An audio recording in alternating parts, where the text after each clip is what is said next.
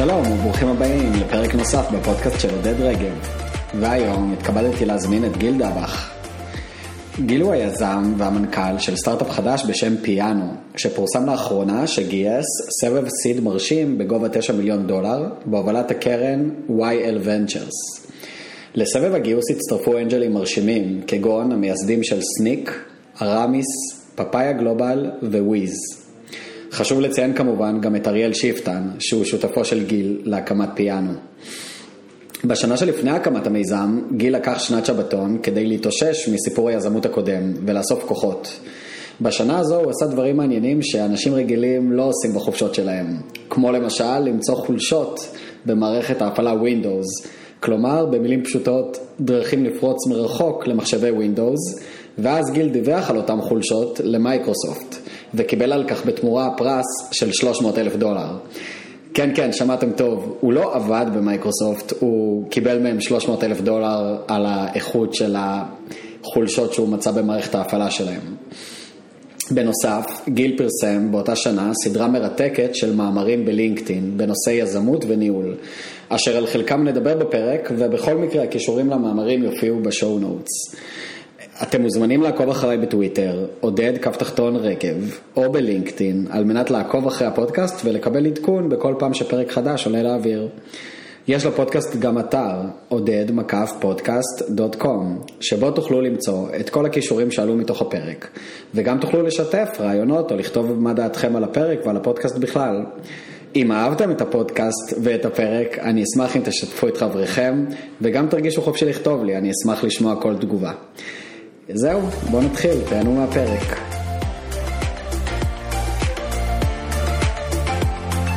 מה קורה גיל? היי, מה המצב עודד? אני מתרגש פה איתך בחדר. האמת שגם אני, תשמע, אני חייב להגיד לך שעד היום כל הפודקאסטים הקלטתי אותם בתשע בבוקר, באמצע היום, עכשיו אנחנו בשמונה וחצי בערב, שנינו יושבים בחדר ישיבות במשרד, ריק עם אה, כוס בירה כל אחד. כמו שצריך. מכאן אפשר רק לעלות. בדיוק. אוקיי, אז uh, אני אציג אותך ומשם נתחיל. גיל דבח הוא יזם, משקיע אנג'ל ומנטור ליזמים צעירים. גיל כנראה נמצא במילון תחת ההגדרה אוטודידקט. ההשכלה הפורמלית שלו מסתכמת בתעודת בגרות בינונית וגם זה בלחץ. בגילאי חטיבת ביניים ותיכון הוא התחיל ללמד את עצמו תכנות והתחיל להכיר מקרוב את עולם המחשבים. כשהגיע הגיוס לצה"ל, גיל התקבל ליחידה טכנולוגית יוקרתית ושירת שם ארבע וחצי שנים. לאחר השירות גיל עבד בתור יועץ תוכנה עצמאי במשך תקופה קצרה, ולאחר מכן בשנת 2012 החליט להקים את NorthBit. בשיאה NorthBit העסיקה כ-20 עובדים, ובאפריל 2016 נמכרה החברה ל Magic Leap, שבאותו זמן זה היה הסטארט-אפ מהמפורסמים בעולם. לאחר שנתיים ב Magic Leap, גיל לקח קצת הפסקה, השקיע פה ושם בסטארט-אפים בתור משקיע אנג'ל, ובתחילת 2021 הוא החליט לחבור שוב לשותפו מ NorthBit, אריאל שיפטן, במטרה לעשות סיבוב נוסף בעולם היזמות, אבל הפעם במטרה להקים חברת טכנולוגיה גדולה על פני מספר שנים, שעוד נדבר עליה בפרק. לחברה הם קראו פיאנו. בסוף 2021 פורסם בתקשורת כי פיאנו גייסה גיוס seed חריג בגודלו של 9 מיליון דולר בהובלת YL Ventures. אז אה, שלום גיל. אז אה, תודה על כל ההיסטוריה הזאת. חייבים לעשות את האינטרו כי חלק מהאנשים בכל זאת עוד לא הכירו אותך. כן, אולי בכל זאת עברתי משהו, דבר או שניים בחיים, אז אה, יש, יש הרבה על מה לדבר אני מניח.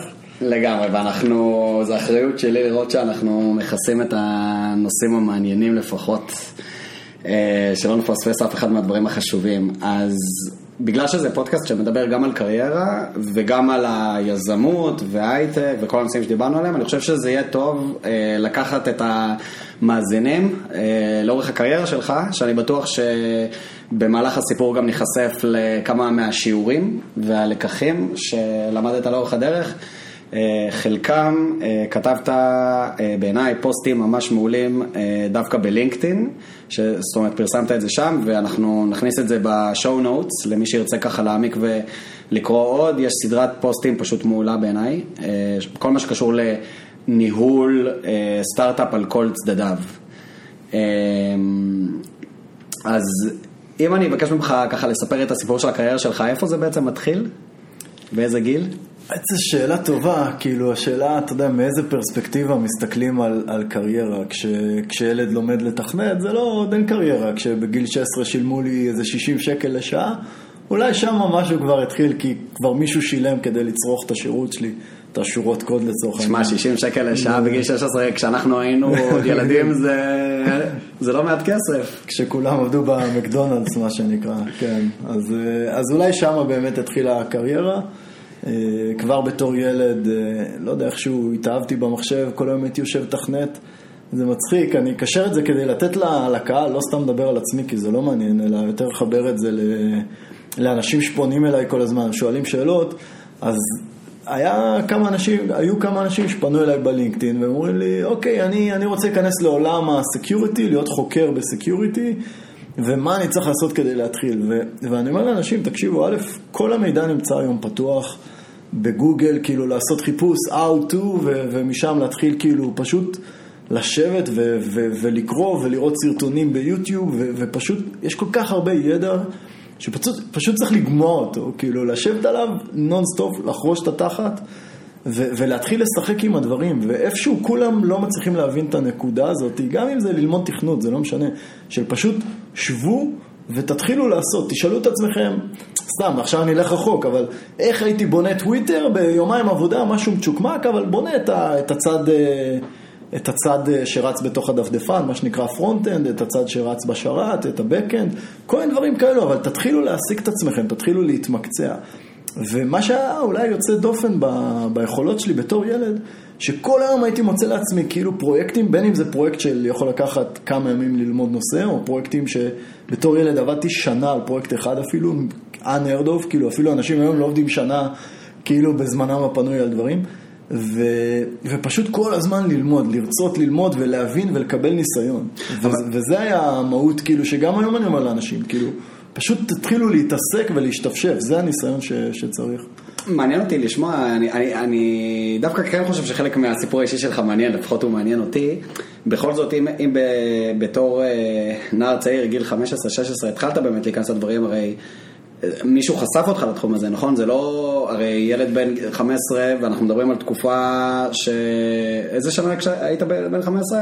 כן, זה היה איזה 96-7 כזה. רציתי להגיד, רציתי להגיד פרי אינטרנט, אינטרנט היה באיזושהי תצורה, אבל זה בטח... הוא היה בשלב מאוחר כבר של התכנות, האמת ש...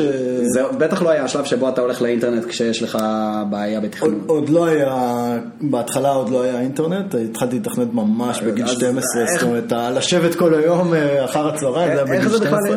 מאיפה זה הגיע? מחוג? מהורים שעשו את זה? מישהו מהמשפחה?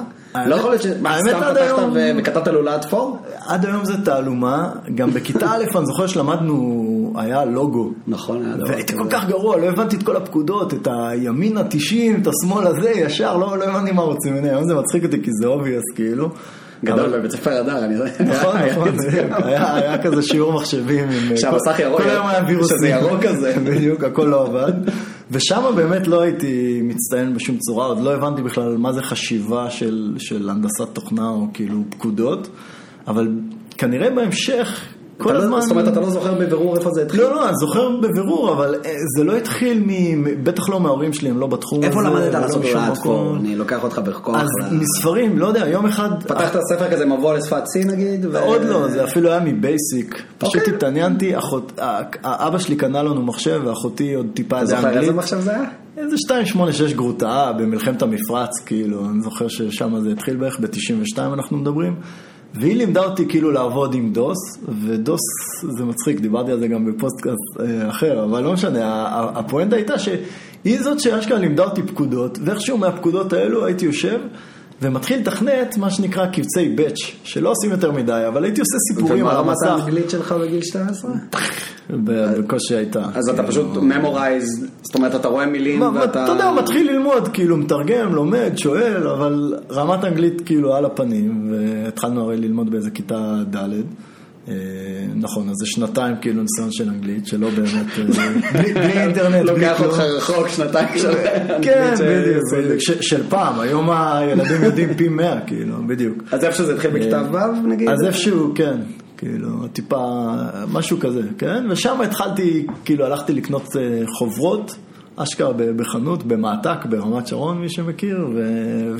ושם התחלתי את הדרך. ופשוט כל הזמן הוקסמתי מזה שאתה יכול לשלוט על הקופסת מחשב הזאת ו- ולגרום לאפילו איזה סמיילי טקסטואלי בזמנו לזוז מימינה שמאלה על המסך, זה פשוט הגניב אותי, אנשים לא מבינים. שאני זוכר שבאתי יום אחד לאימא שלי, היא אומרת לי, נו, מה עשית היום? ואני אומר לה, את לא תביני, והיא אומרת, נו, תשתף אותי.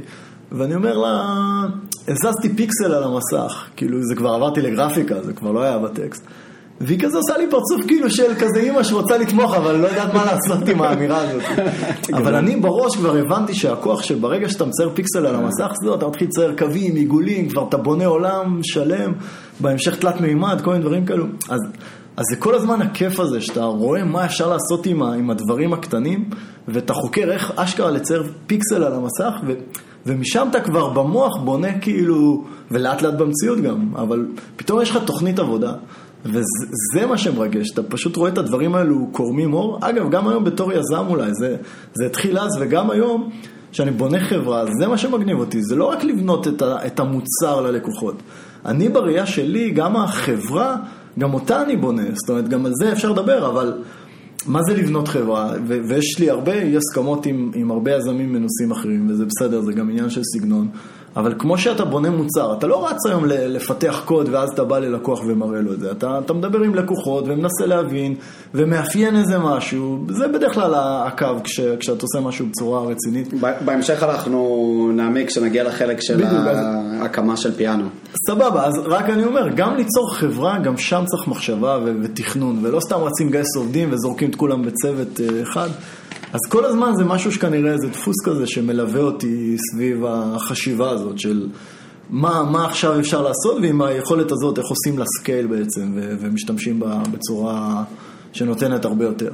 אוקיי, אז, אז, אז אמרנו ככה בערך גיל 12-13, ואני מניח לאורך החטיבה זה היה, זה היה התחביב המרכזי אחר הצהריים? לגמרי. וגם בתיכון. וגם בתיכון, וגם חצי מהתיכון אה, ישבתי ללמוד תכנת עוד, ובגיל... וההורים שלך רואים אותך, נגיד בתיכון, מאוד מאוד אימרסיב uh, סביב הנושא הזה.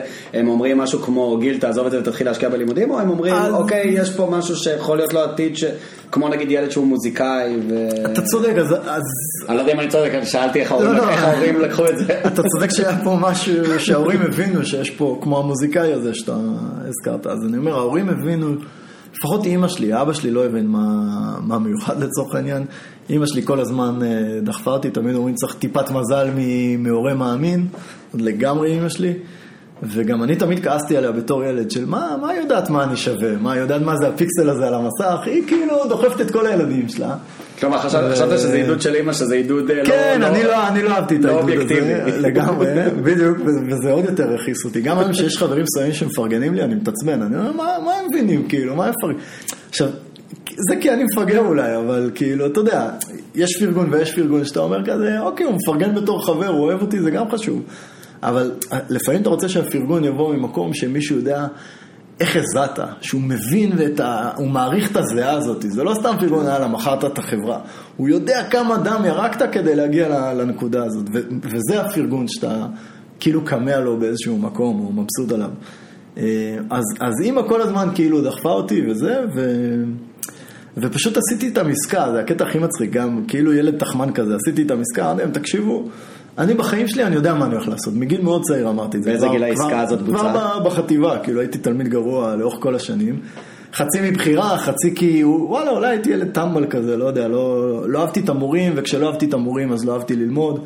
אז זה כזה הכל בא ביחד, שזה מצחיק כמה ששנאתי היסטוריה אז, היום זה אחד המקצועות, מקצוע, או ספרות שאני קורא, וזה חולה על ארכיאולוגיה, על היסטוריה, דברים כאלו.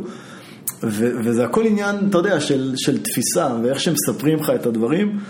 ופשוט, וואלה, זה מצחיק, כתבתי על זה באיזה מקום אחר, אבל כשהמורים גרועים אתה לא רוצה ללמוד, וזה אחריות כן. של המורים ואי אפשר להסתיר את זה. זה המקצוע שלהם ללמד ולחנך, והם לצערי לא עושים את זה בתקופה מספיק גם היום טובה. ו... ובסדר, אנחנו קופצים פה, אבל אני אחזור לאימא שלי ולעסקה, אז מה שאמרתי לה, תקשיבי, אני יודע שכשאני הולך להיות גדול, קראנו לזה, אני הולך להיות איש מחשבים, שוואלה, מה ידעתי, מה זה הייטק בכלל וזה, ולא ידעתי מה אני עושה. אבל ידעת שאתה. אבל ידעתי שאני הולך לתכנת כל החיים שלי אם זה תלוי בי ולמות עם המקלדת.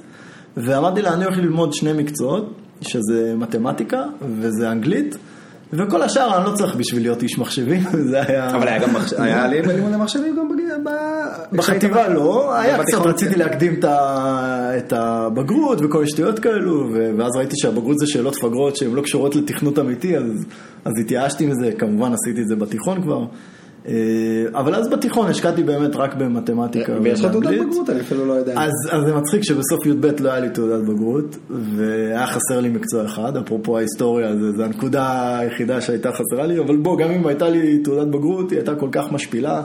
שזה לא שינה כלום. לא היית הולך עם זה לרפואה. לא הייתי הולך עם זה לרפואה ולשום מקום, ובקבע קיבלנו איזה פיקדון, אמרתי, טוב, מה אני אעשה איתו? יאללה, אני, אני אשלים את ההיסטוריה. ובאמת השלמתי את ההיסטוריה, היה חסר לי נקודה. והשלמתי אותה, ואז אני אליג'יבל, אה, יש לי את הזכות לקבל אה, באמת תעודת בגרות, אבל היא שווה ל... לנייר עיתון, בוא נגיד. וסתם מעניין אותי לשאול אותך את השאלה הזאת, אני, אני לא יודע אם אתה זוכר, אבל נגיד, כשהיית בכיתה י"ב או משהו כזה, ואתה בטח ראית חברים שלך שכן אה, לומדים בכיתות כמו הרב-תחומית, מצטיינים, או כל מיני דברים כאלה, עושים בגרות ככה חזקה.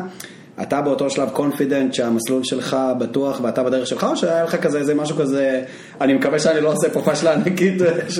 לא, האמת שהייתי... זה הטריד אותך? לא, לא הטריד אותי, התבאסתי. כי הסטטוס קוו זה כאילו להיות טוב בלימודים בגיל הזה בעיקר. זאת אומרת... זה נכון, אם... וגם מה שאנחנו היינו רוצים מהילדים שלנו, נכון? כאילו, שאתה, יש לך תפקיד אחד, אתה ילד, שב תלמד, וגם אתה, אתה גם אומר לו, למה שאתה עושה את זה שוב עוד פעם, כאילו.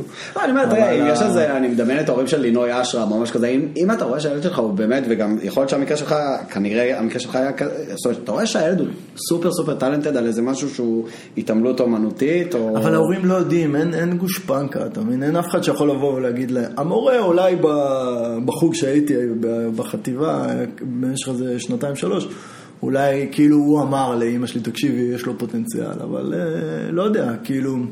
זה מאוד קשה כשאתה לא מבין במשהו לדעת לשפוט. זאת אומרת, אתה אומר שלא היו אז מספיק אינדיקטורים שיכולו לתת את הביטחון הזה. לא, אבל אני בתור ילד, במקום לשחק במחשב, מה שכולם עשו, או כדורסל או זה, פשוט כל היום הייתי יושב ולומד תכנות ומלמד את עצמי כל מיני נושאים, ממש אגב הארדקור, זאת אומרת... היום כשאני רואה ילדים מדברים איתי על דברים ארדקור שהם כזה לפני צבא וזה, אני, אני כל כך מתרגש כאילו לראות זה, ואני אומר וואלה, עדיין יש אנשים... למאזינים ש... אה, מבינינו שכן מכירים תכנות, אתה יכול לתת איזה דוגמה למה זה, זה להיות הארדקור לפני, לפני צבא? להתעסק במה? וואי, לפני שבועיים הרציתי באיזה כנס, ניגש אליי איזה בחור, שאל אותי איזה שאלה... כאילו, אני, אני לא רוצה לזרוק פה קללות של, ה, אתה יודע, ראשי תיבות של כל הטכנולוגיות. נעשה את זה בדיוק דקה אחת רק אם מישהו מכיר, שזה יעשה לו משהו שיבין מה, מה קרה לפני הצבא. משהו ב Windows kernel עם hypervisors, איך משהו שם עובד, כן, אמרתי זה יהיה מוזר. ו, ופשוט הייתי בהלם שהוא מבין את הרמת עומק הזאת, ואמרתי וואו, וכאילו עלה שם על איזה רעיון, אשכרה רעיון טוב. רגע, והוא מה, בן? הוא בן 17 והוא הולך להתגייס למודיעין כמובן, וזה משמח שאיתרו אותו, אבל זה כיף לראות שיש ילדים שאתה אומר בואנה הוא יהיה כוכב, זה כאילו obvious כזה, זה עניין של זמן, אבל אפרופו, אני יודע להגיד על הילד הזה, אבל אני לא חושב שההורים שלי ידעו להגיד עליי, הם אמרו שב, שב תלמד, אבל זה, היה, זה לא היה רציני הלימודים שלי. אז מגיע הגיוס לצה"ל ואתה מאותר די מהר? לא, וואי וואי, הגיוס לצה"ל זה אחד הסיוטים. עכשיו, מה מצחיק בגיוס לצה"ל? ש... שמכל חבר שאתה תדבר איתו, ובטח גם קרבי ולא קרבי ואפילו 8200 וזה, כל אחד יש לו איזה סיפור סינדרלה או, או סיפור חרא, לא סינדרלה שנגמר ברע, ו... ואתה אומר, לא יכול להיות. זאת אומרת, היום אנחנו, גם אתה, נכון, וגם אני, אנחנו מנהלים, אנחנו יודעים איך זה תהליכים, מבינים scale, ואתה אומר, איך זה כזה מחורבן, כאילו, איך הצבא מפספס כל כך הרבה אנשים טובים, ולמה אנשים צריכים להילחם על החיים שלהם, וכל כך הרבה בירוקרטיה ואגו ודברים מיותרים, וסתם פיקסוס, פיקשושים. ו- וגם הצבא, כאילו, אמרו, בואנה, מי ייקח את התלמיד הזה? הוא תלמיד גרוע, למה שניקח אותו אלינו ליחידה מצטיינת? והמזל שלי שכבר בגיל מאוד צעיר היה תחרות מחשבים בשם קוד גורו, והשתתפתי בה. תחרות, ו... תחרות ארצית? תחרות ארצית, תכנות, שהייתה תחרות סמויה של, של חיל המודיעין כדי לאתר דרכה מועמדים לשירות. בזמן ידעת שהצבא מעורב בתחרות? Yeah, היה שמועות, אבל אה, הנחתי, אבל לא ידעתי שזה יקנה לי להגיע. זה היה באיזה גיל? ל-8200. זה כבר התחיל, לא יודע, כשאני הייתי כבר בן איזה 13, 14, אתה 15, כבר כמה שנים השתתפתי, זה היה אה, כל שנה, כאילו, עד. עכשיו, עד עכשיו זה ממשיך. הבנתי. זאת אומרת, גם אם יש פה מאזינים שהם הורים לילדים שרוצים שיגיעו ל-8200 וכאלו, תשלחו אותם לתחרות של קוד גורו. בין אם הם יתקבלו או לא, הם ילמדו כל כך הרבה על תכנות ועל רובוטיקה ומתמטיקה ופיזיקה, יש שם כל כך הרבה נושאים, ובדרך כלל המצטיינים הם מגיעים ל- ליחידות הטכנולוגיות של קהילת המודיעין. מדהים. אז, אז אתה אומר בעצם הגעת לתחרות הזאת, ואז בסוג של, אה, במקרה או לא במקרה, ככה, ככה נכנסת למאגר של ככה ה... נכנסתי למאגר, ומשם כבר הבינו שיש פה איזה ילד שהוא פתאום יודע שפת תכנות אסמבלי ממש טוב, שזה שפת מכונה בעצם, היום זה אחת השפות שמשתמשים כדי לעשות reverse engineering למערכות או דברים כאלו, איך שהמחשב רץ באמת. על ה- על המעבד. ש-99% מהמתכנתים שיראו להם אה, קוד באסמבלר, גם שעושה את הדבר הכי פשוט, זה לא יגיד להם כלום. אז גם זה וגם מה שיותר מצחיק קצת, כשהרבה פעמים כשאתה מתכנת ב-C או ב-C++, אתה, אתה צריך לדבק בשפת אסמבלי, ואז אתה בבעיה כי אתה לא יודע אסמבלי, אז הרבה אנשים אה, נתקעים, אז, אז, אה, אז הם פתאום הבינו שיש פה איזה ילד כזה עם יכולות אה, ממש אה, קיצוניות, ו, ומשם התחלתי להתגלגל למיון הזה. ואז הודיעו לי שהתקבלתי, ואז חגגתי את זה, ואז... ואז וידאתי, ואז אמרו לי ש, שבעצם לא התקבלתי, שהיה טעות במערכת. אה, באמת? ואז כבר אמרו לי, אתה הולך לחיל שריון בנובמבר, ו- וואו, זה ובדקה קשה. ה-90 כאילו מתקשרים אליי, זה כמו בסרטים, מתקשרים אליי, לא אומרים לי מי זה, מי מו מה, אומרים לי, תקשיב, אנחנו מיחידה סודית במודיעין, אל תעלה לאוטובוס של קרבי, ונהיה בקשר. זהו, ככה, כאילו, הכי כאילו הזיה. וזה, וזה לימים- בבקו"ם כבר. לימים שכבר נכנסת ליחידה וזה, הסבירו לך מה קרה שם? כן, כן, כאילו, שוב, אמרתי, כל הבירוקרטיה נפלת הזאת של, הכיסאות? של, של כל אחד יש לו את הסיפור הזה. כלומר. באותה מידה גם זה יכל אה, ל- להתפוצץ. חכה, ואז בבקו"ם אני מגיע לקצין מיון, והוא אומר לי, מה, מה החלטת שאתה עושה? איזה מנילה פח כזאת. אני אומר לו, תקשיב, אני לא יודע מה איתך, אני... אני, אמרו לי לא לעלות לאוטובוס. אני מסתכל עליי, מי אמר לך? אני אומר לו, וואלה, הם לא השאירו פרטים, אבל נראה לי ממודיעין, אני סומך עליהם. אז הוא עושה לי עוף מפה החוצה שקרן, משהו כזה. אה, אשכרה. כן, ואחרי מה- כמה ימים הם הגיעו לבקו"ם, ופגשתי אותם. רגע, אבל בזמן הזה זה- אתה באמת הלכת הביתה או שנשארת שם באיזה לא, אתה- מעצר? כמובן, לא, לא מעצר, אבל אתה תקוע כזה בלימבו כזה של שבוע, שעד שהם מבינים מה. לעשות איתך, גדול. דברים יסתדרו. אבל כן, זה היה מסובך כל כך, ועד היום, תמיד כשפונים אליי כל מיני אה, חברים שרוצים לעזור לילדים שלהם וזה, עד היום אני ממש מסור ומנסה להעביר פרטים ולהילחם, וזה תמיד קשה, זה מטורף. כאילו, עד היום אתה אומר, די, כמה גרוע, וזה עדיין גרוע, אבל תמיד לנסות כאילו לדחוף אנשים. אה, כי בסוף אין מה לעשות, כשאתה בא עם מוטיבציה ואתה רוצה להילחם, ולא סתם כי, כי אומרים לך האלטרנטיבה זה קרבי, כי אתה באמת מוכיח שאתה, שאתה אוהב מחשבים, אז נגיד באים אליי הרבה כאלו שמתעוררים בגיל 17, אני רוצה להיות פתאום אה, מתכנת, למה? כי נזכרת ש-8200 זה מעניין, אז זה פחות טוב, אבל כשאתה רואה שיש ילדים שהם באמת כאילו, זה החיים שלהם, אז אתה אומר, כדאי לצבא גם שהם יגיעו, ואז אתה באמת מנסה לעשות את המקסימום. אז אה, עשית שם שירות אה, ארבע וחצי שנים, שאני מניח שלא לא ניכנס שם יותר מדי לדיטיילס. כן, זה היתרון שאי אפשר, נכון? אז... אה, אה, אבל אני כן ארצה לשאול אותך שאלה אחת, אה סליחה, כן. קטעתי אותך? לא, לא. אני רק רוצה לשאול שאלה אחת, אם אתה מסתכל היום על הקריירה שלך ומה שעשית ואיך שהדברים התפתחו, אם באמת היית הולך לשריון או לכל יחידה אחרת שהיא לא יחידת מחשבים, עד כמה לדעתך הטראג'קטורי של הקריירה שלך אז היה אתה יודע, דומה זו שאלה? מצוינת שכאילו, אין ספק שהצבא שינה לי את החיים, וכאילו רוב החברים שלי עד היום זה חברים מהצבא ולא מלפני כן, שכמובן גם יש כאלו, אבל הרוב המוחלט זה לגמרי חברים מהצבא, ו... ואין ספק שבצבא זה בטח ביחידה כזאתי, שכאילו הכל זה טכנולוגיה וצריך להיות הטכנולוג הכי טוב ולעשות את הטכנולוגיה הכי טובה, אתה לומד בלי סוף ויש שם אנשים כאילו לוקחים את הקצפת כמו של הטייס, לוקחים את הקצפת של ה-IQ נקרא לזה, שאוהבים מחשבים ומתמטיקה ודוחפים אותה למקום אחד ופשוט אתה, אתה בבום אחד, כאילו המוח שלך סופג כל כך הרבה דברים וזה מטורף ו... ותראה, אני בכל מקרה הייתי עם פרופיל קרבי גם, בגלל זה גם עשו לי בעיות כאילו להגיע כל כך מהר. אבל אמרתי ש-anyway הייתי חותם קבע ומוצא את הדרך שלי נלחם בתוך המערכת הצבאית הנוראית הזאתי, בהקשר הזה. הייתי נלחם כדי לעשות את העיקר משהו בתכנות, ו... וגם מתוך מקום לתרום, מה הייתי רץ על הג'בלאות ומה, כאילו זה לא, זה לא אני, אני כאילו ידעתי מה, מה התרומה שלי הולכת להיות. אה, אבל אז אתה יודע, יכול להיות שאם הייתי הולך תותחנים, אז אחרי כמה שנים הייתי חוזר להייטק, ויש לי גם היום הרבה עובדים וחברים שהם לא עברו את המסלול אה, בתור ילד צעיר אה, לתכנת, ואחר כך אה, זה. זאת אומרת, יש תקווה לכולם. פשוט אנשים, אנשים קצת עצלנים וחמורים. אני אספר שלא מזמן ראיינתי איזשהו בחור, ואמרתי בוא, בוא תכנס אלינו לג'וניור, שזה יוצא דופן בסטארט-אפ בדרך כלל, כי אתה רוצה אנשים מלא עם ניסיון. ויצאתי מגדרי, הבאתי שיעורי בית לאותו מרואיין, ואחרי כמה ימים החזיר לי עבודה מאוד בינונית. ועליתי איתו לשיחה, אמרתי לו, תראה, העבודה שלך לא הייתה טובה. ואמרתי לו, אני רוצה להסביר לך, וזה בחור גם שיצא מהיחידה וזה, ו... ואמרתי לו, תקשיב, החברה שלי, אנחנו נסתדר. אם זה לא יהיה אתה, זה יהיה מישהו אחר, אם זה לא יהיה מישהו אחר, נמצא, הכל יהיה בסדר. בשביל זה אני פה לנהל את זה. אבל תגיד, זה הדרך שאתה רוצה לשדר לעולם את הרצינות שלך ו- ולהתחיל את הקריירה שלך בבינוניות כזאת גמורה? למה, למה אתה לא מתאבד על זה? זה החיים שלך בסוף, זה, זה הכרטיס כניסה שאתה מוכר, זה איך שהפרצוף שלך בסוף נראה, זה השיעורי בית האלו שעשית. ואיך אתה הבנת שהרמה של, השיעורי, של התוצרים שהוא עשה לך בשיעורי בית זה, זה של החוסר השקעה שלו לעומת, אולי, אולי הוא פשוט לא מתאים מבחינת הסקיל. אתה צודק, אבל הייתי מספיק חכם כדי לעשות שם כמה שיחות, ובאיזשהו שלב הרגשתי שיש כבר איזה טראסט, זה היה על פני כמה שיחות, ואז שאלתי אותו, תגיד, כמה באמת השקעת בשיעורי בית האלו? אני יכול לשאול אותך, אבל מבחינת זמן, לא... לא... ואז אני אומר, כן, פחות משעה. אז אני כזה, אוקיי, כאילו, אז אתה לא רוצה להצליח בחיים שלך, זה לא הזמן שלי, זה, זה נכון שזה הזמן שלך, אבל בסוף זה אתה.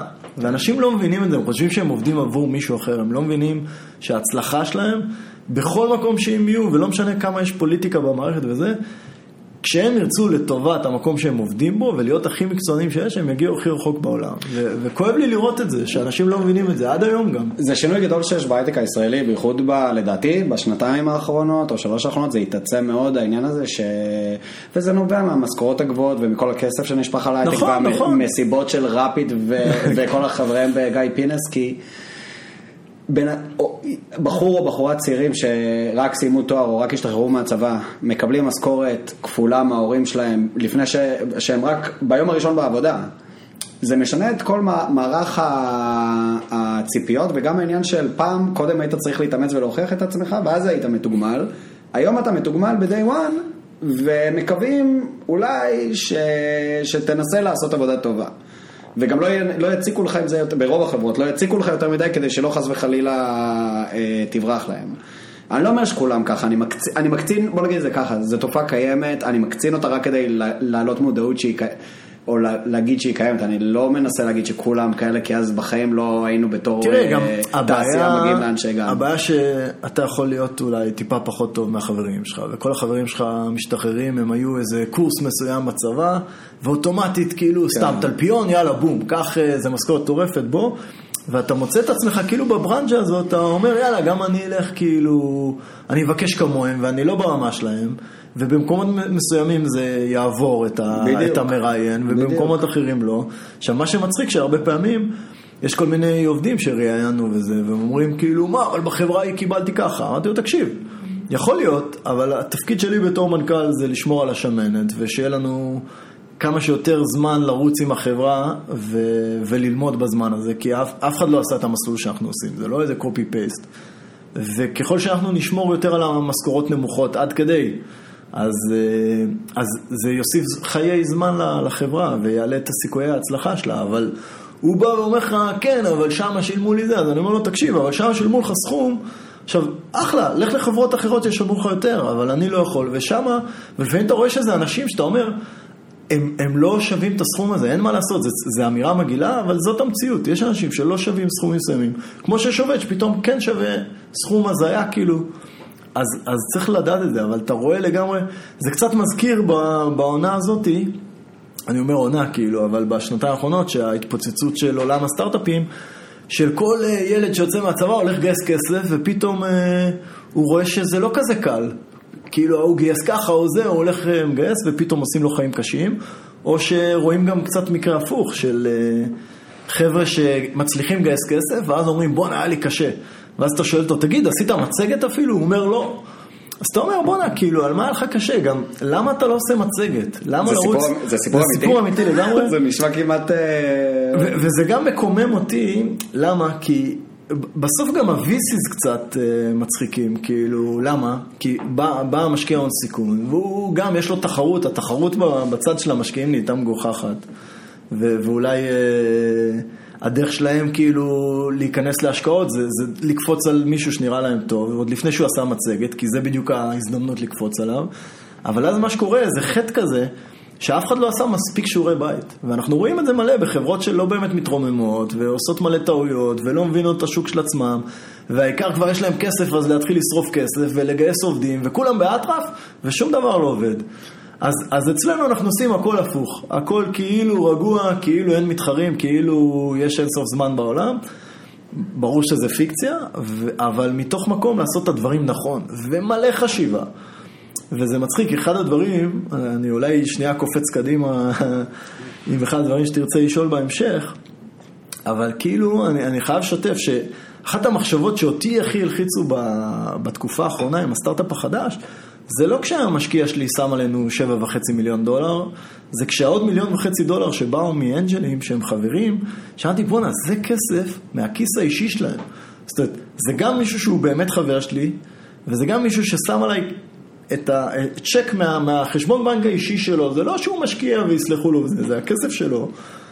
ובסדר, גם אני משקיע, גם אני יודע שאם אני משקיע בחבר והכסף נשרף זה שטויות, כן, אחרת לא הייתי יוצא לזה, אבל הצד המקבל הוא פתאום אוכל איזה סרט שאומר, בואנה, כאילו, אני לא רוצה לאכזב את החברים שלי, ומה יהיה, ואיך יהיה. ואז אתה אומר, רגע, יש לי תשע מיליון דולר, ויש לי סתם שנתיים ביחס לשריפת מזומנים החודשית, שנתיים לרוץ נגיד, יש לנו יותר, אבל סתם לצורך הסיפור.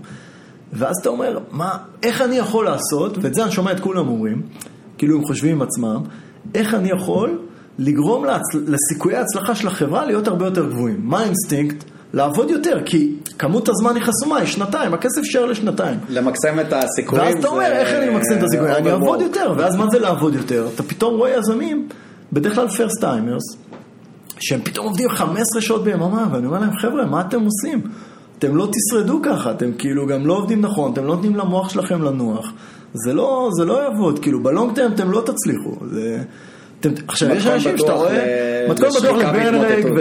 ולשחיקה ולהחלטות אולי... ונחזור נחזור זה- לנושא הזה גם אה, יותר. לדבר עליו בהמשך. ומה שאני אומר רק שהאינטואיציה שלנו היא בדיוק כאילו בוא נעבוד יותר ופתאום אני הייתי צריך לעצור את עצמי ולהגיד רגע אני צריך לעצור ולחשוב ולהבין מה זה אומר עליי עם, עם, עם הלחץ הזה של, של נתנו לי כסף וזה גם חברים שהביאו כסף ואיך אני הולך להצליח וההבנה הייתה בסוף שכנראה עדיף שאני אעבוד כמו שצריך, אני תמיד אומר, יש איזה סטנדרט של תשע שעות בתעשייה, ובטח הרבה אנשים אומרים, עוד פעם הוא עם התשע, שמונה שעות שלו וזה, אז אני אומר, כן, זה ההשתדלות. ברור שיש ימים שאני עובד 12 שעות, ברור שיש ימים שאני עובד 15, גם יש ימים שאני עובד 5 שעות, כי אני צריך איזשהו איזון שפוי בחיים האלו, וזה בדיוק ההבדל בין פרסט טיימר לסקנד טיימר, אבל בממוצע אני משתדל לעבוד את התשע, עשר שעות. והקטע המעניין שכשאני אומר מה זה לעבוד חכם ואיך מעלים את הסיכויים, אז זה בדיוק הפוך מלטחון שעות. זה להגיד, אם היה לי פחות זמן, אם היה לי שעתיים ביום, כל האסטרטגיה שלי הייתה נראית אחרת. כל השעתיים אפילו הייתי יושב עשר דקות כדי לתכנן את איך שעתיים האלו היו נראות. אבל כאילו יש לנו כל כך הרבה זמן כל יום, שאנחנו לא, אנחנו כאילו קלי ידק על היומן שלנו ועל כל מיני פגישות וזה, ובמקום זה התחלתי להבין שאני צריך לנהל את הזמן שלי יותר טוב, ואני צריך לחשוב על אסטרטגיה יותר טוב, ולהביא עובדים מסוימים שהם באמת יהיו מכפלת כוח לצוות שלנו, ולא סתם מישהו שהוא, יאללה, הוא יהיה בסדר ו- ונזרום. כאילו אין לזרום, זה רק מקטין לי את הסיכוי הצלחה. אז העבודה החכמה היא לא בשעות עבודה כפיים, היא ב...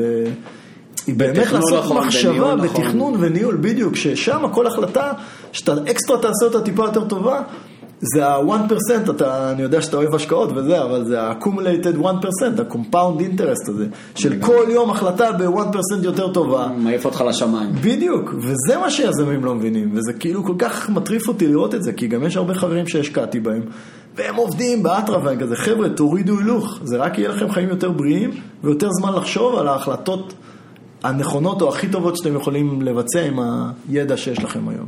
אז מה היית, איזו עצה היית נותן ליזם, בוא נגיד שגייס סיד, נגיד, אה, ממוצע, ועכשיו באמת יש לו איזה דרך לבנות מוצר, יש לו איזה צוות קטן, הוא גם צריך לגייס עובדים, הוא רוצה לתת את המקסימום, אז היית אומר לו, בוא, בוא רגע תעצור, תנסה להבין איפה אתה רוצה להיות עוד שנה, שנה וחצי מהיום, ובוא נראה איך בונים את זה בצורה כזאת שבשעות עבודה, כמו שציינת, 9-10 שעות אתה תצליח להגיע ליעד, או לחילופין, אם אין דרך כזאת, כנראה בכלל הכיוון של הסטארט-אפ לא נכון, או המטרה... לא, אני, אני לא יודע, תראה, בסוף ה... זאת אומרת... אתה יודע, איך מישהו יכול, איך מישהו יכול לדעת איזה שאלות מנחות הוא צריך לשאול, לשאול את עצמו, או איזה guiding principles כדי להבין שהוא מתכנת, אם הוא באמת עובד רק 9 שעות ביום, איך הוא יודע שהוא עושה את זה נכון? איך הוא...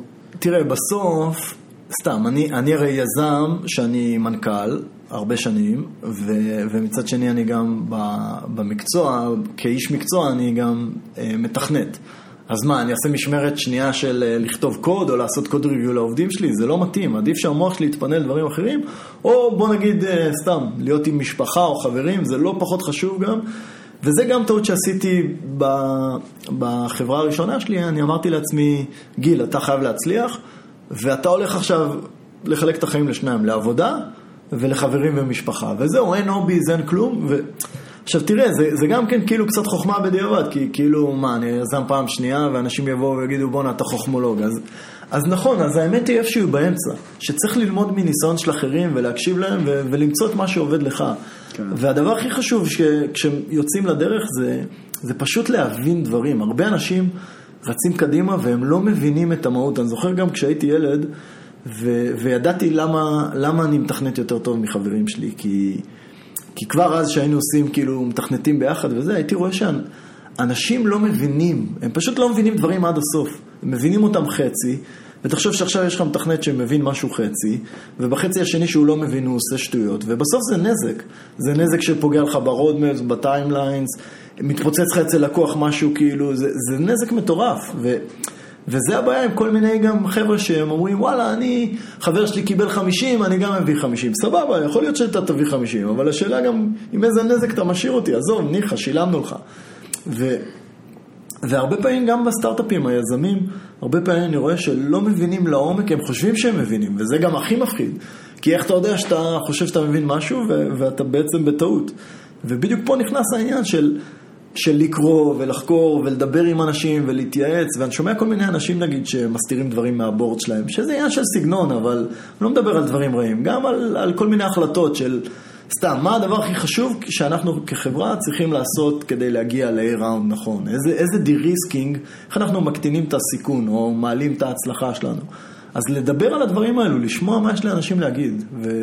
והרבה אנשים כאילו, העיקר רצים, קודם נעשה מוצר, נביא... כזה, רגע, בואו נבין מה, מה, מה בכלל המטרה של הסטארט-אפ שלנו בשנה הראשונה. כן. ו- ומה המטרה, כאילו, איך מגיעים ל-A-Round. נגיד, אותי, אחד הדברים בהתחלה, כשאפרופו גייסנו את הכסף, שאלה ראשונה שאלתי את עצמי, זה לא השאלה האמיתית, שאלת אה, מספר האפס, זה היה איך אני מגייס כסף, כי כבר באתי עם תשובות של מה השוק שלי ומה הפיין ומה הכיוון של המוצר. זה, זה שאלת המפתח. אבל אני אומר, מיד אחרי שקיבלנו כסף, השאלה הבאה שלי הייתה...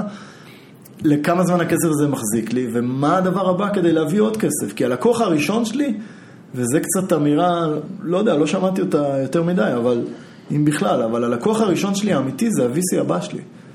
ו- והם האנשים שמתדלקים את החברה שלי, כן. וברור שכדי להביא את ה-VC הבא אני צריך גם לקוחות וזה, אבל זה מאזן כוחות בין המשקיעים הבאים שלי לבין הלקוחות האמיתיים הבאים שלי.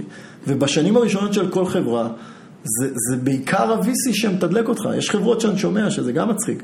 רצים שנים, מפתחים מוצר ועוד לא פגשו לקוחות, ואני כזה, וואו, שיהיה בהצלחה, זה לא הולך לעבוד בדרך כלל. אז, אז, אז אני אומר, בסוף זה ה de-risking. כל הזמן לשאול את עצמך ולהתייעץ עם אנשים סביבך, לראות שאתה לא שיכור. כי הדבר הכי מפחיד, שאתה חושב שאתה צודק, ו- ויש לך כאילו את כל הסימנים שאתה צודק, ובכל זאת אתה טועה. כן. ואתה יודע, זה מזכיר לי עוד משהו. יש אמירה שנקראת fail fast. שאני מאוהב בה, כי מה הדבר הכי טוב? אמרנו, יש לך שנתיים לרוץ, אז אם תיכשל מהר בכיוון עכשיו שאתה רץ עליו על המוצר, אז תוך חצי שנה יש לך עוד מספיק כסף, כאילו נכשלת תוך חצי שנה, יש לך עוד שנה וחצי לרוץ, זה עוד מלא זמן, אפשר עוד מלא להצליח כאילו בכל מיני כיוונים, לעשות פיבוטים וזה. אבל הבעיה שאנשים לא מבינים, שפלפסט זה סיסמה סקסיסט שהיא כתובה על, ה, על הלוח, אבל במציאות, מה זה פלפסט? אתה הולך חודשים עד שאתה מבין את, ה, את השוק. ועד שאתה מראיין עוד אנשים ו- ומבין בכלל האם הפתרון שלך יעבוד, ואז אתה בונה את הפתרון, וחשבת שהם יאהבו את הפתרון, ואז פתאום הם אומרים לך, תשמע, זה לא מה שדמיינתי, בסדר, זה ניחא. אבל הם פתאום אומרים לך, אה, זה לא שווה את הכסף. הפיין לא מספיק כואב לי כדי לשלם לך 100 אלף דולר. עכשיו, סתם, אתה נמצא בשוק B2B Enterprise, כמוני נגיד, שאם אתה לא תוציא צ'קים גדולים, אין לך זכות קיום כסטארט-אפ. אז פתאום אתה תפתור איזה בעיה, ואומרים לך, אה, על זה אני אשלם לך 20 אלף דולר. אתה אומר, וואלה, אין לי ווליום של 20 אלף דולר, אני מגה חברה עכשיו. אז פתאום אתה כאילו אומר, אוקיי, הכיוון הזה מת. כן. ובגלל זה הרבה פעמים צריך כאילו לבדוק את עצמך מכל כך הרבה כיוונים, וזה נהיה קשה.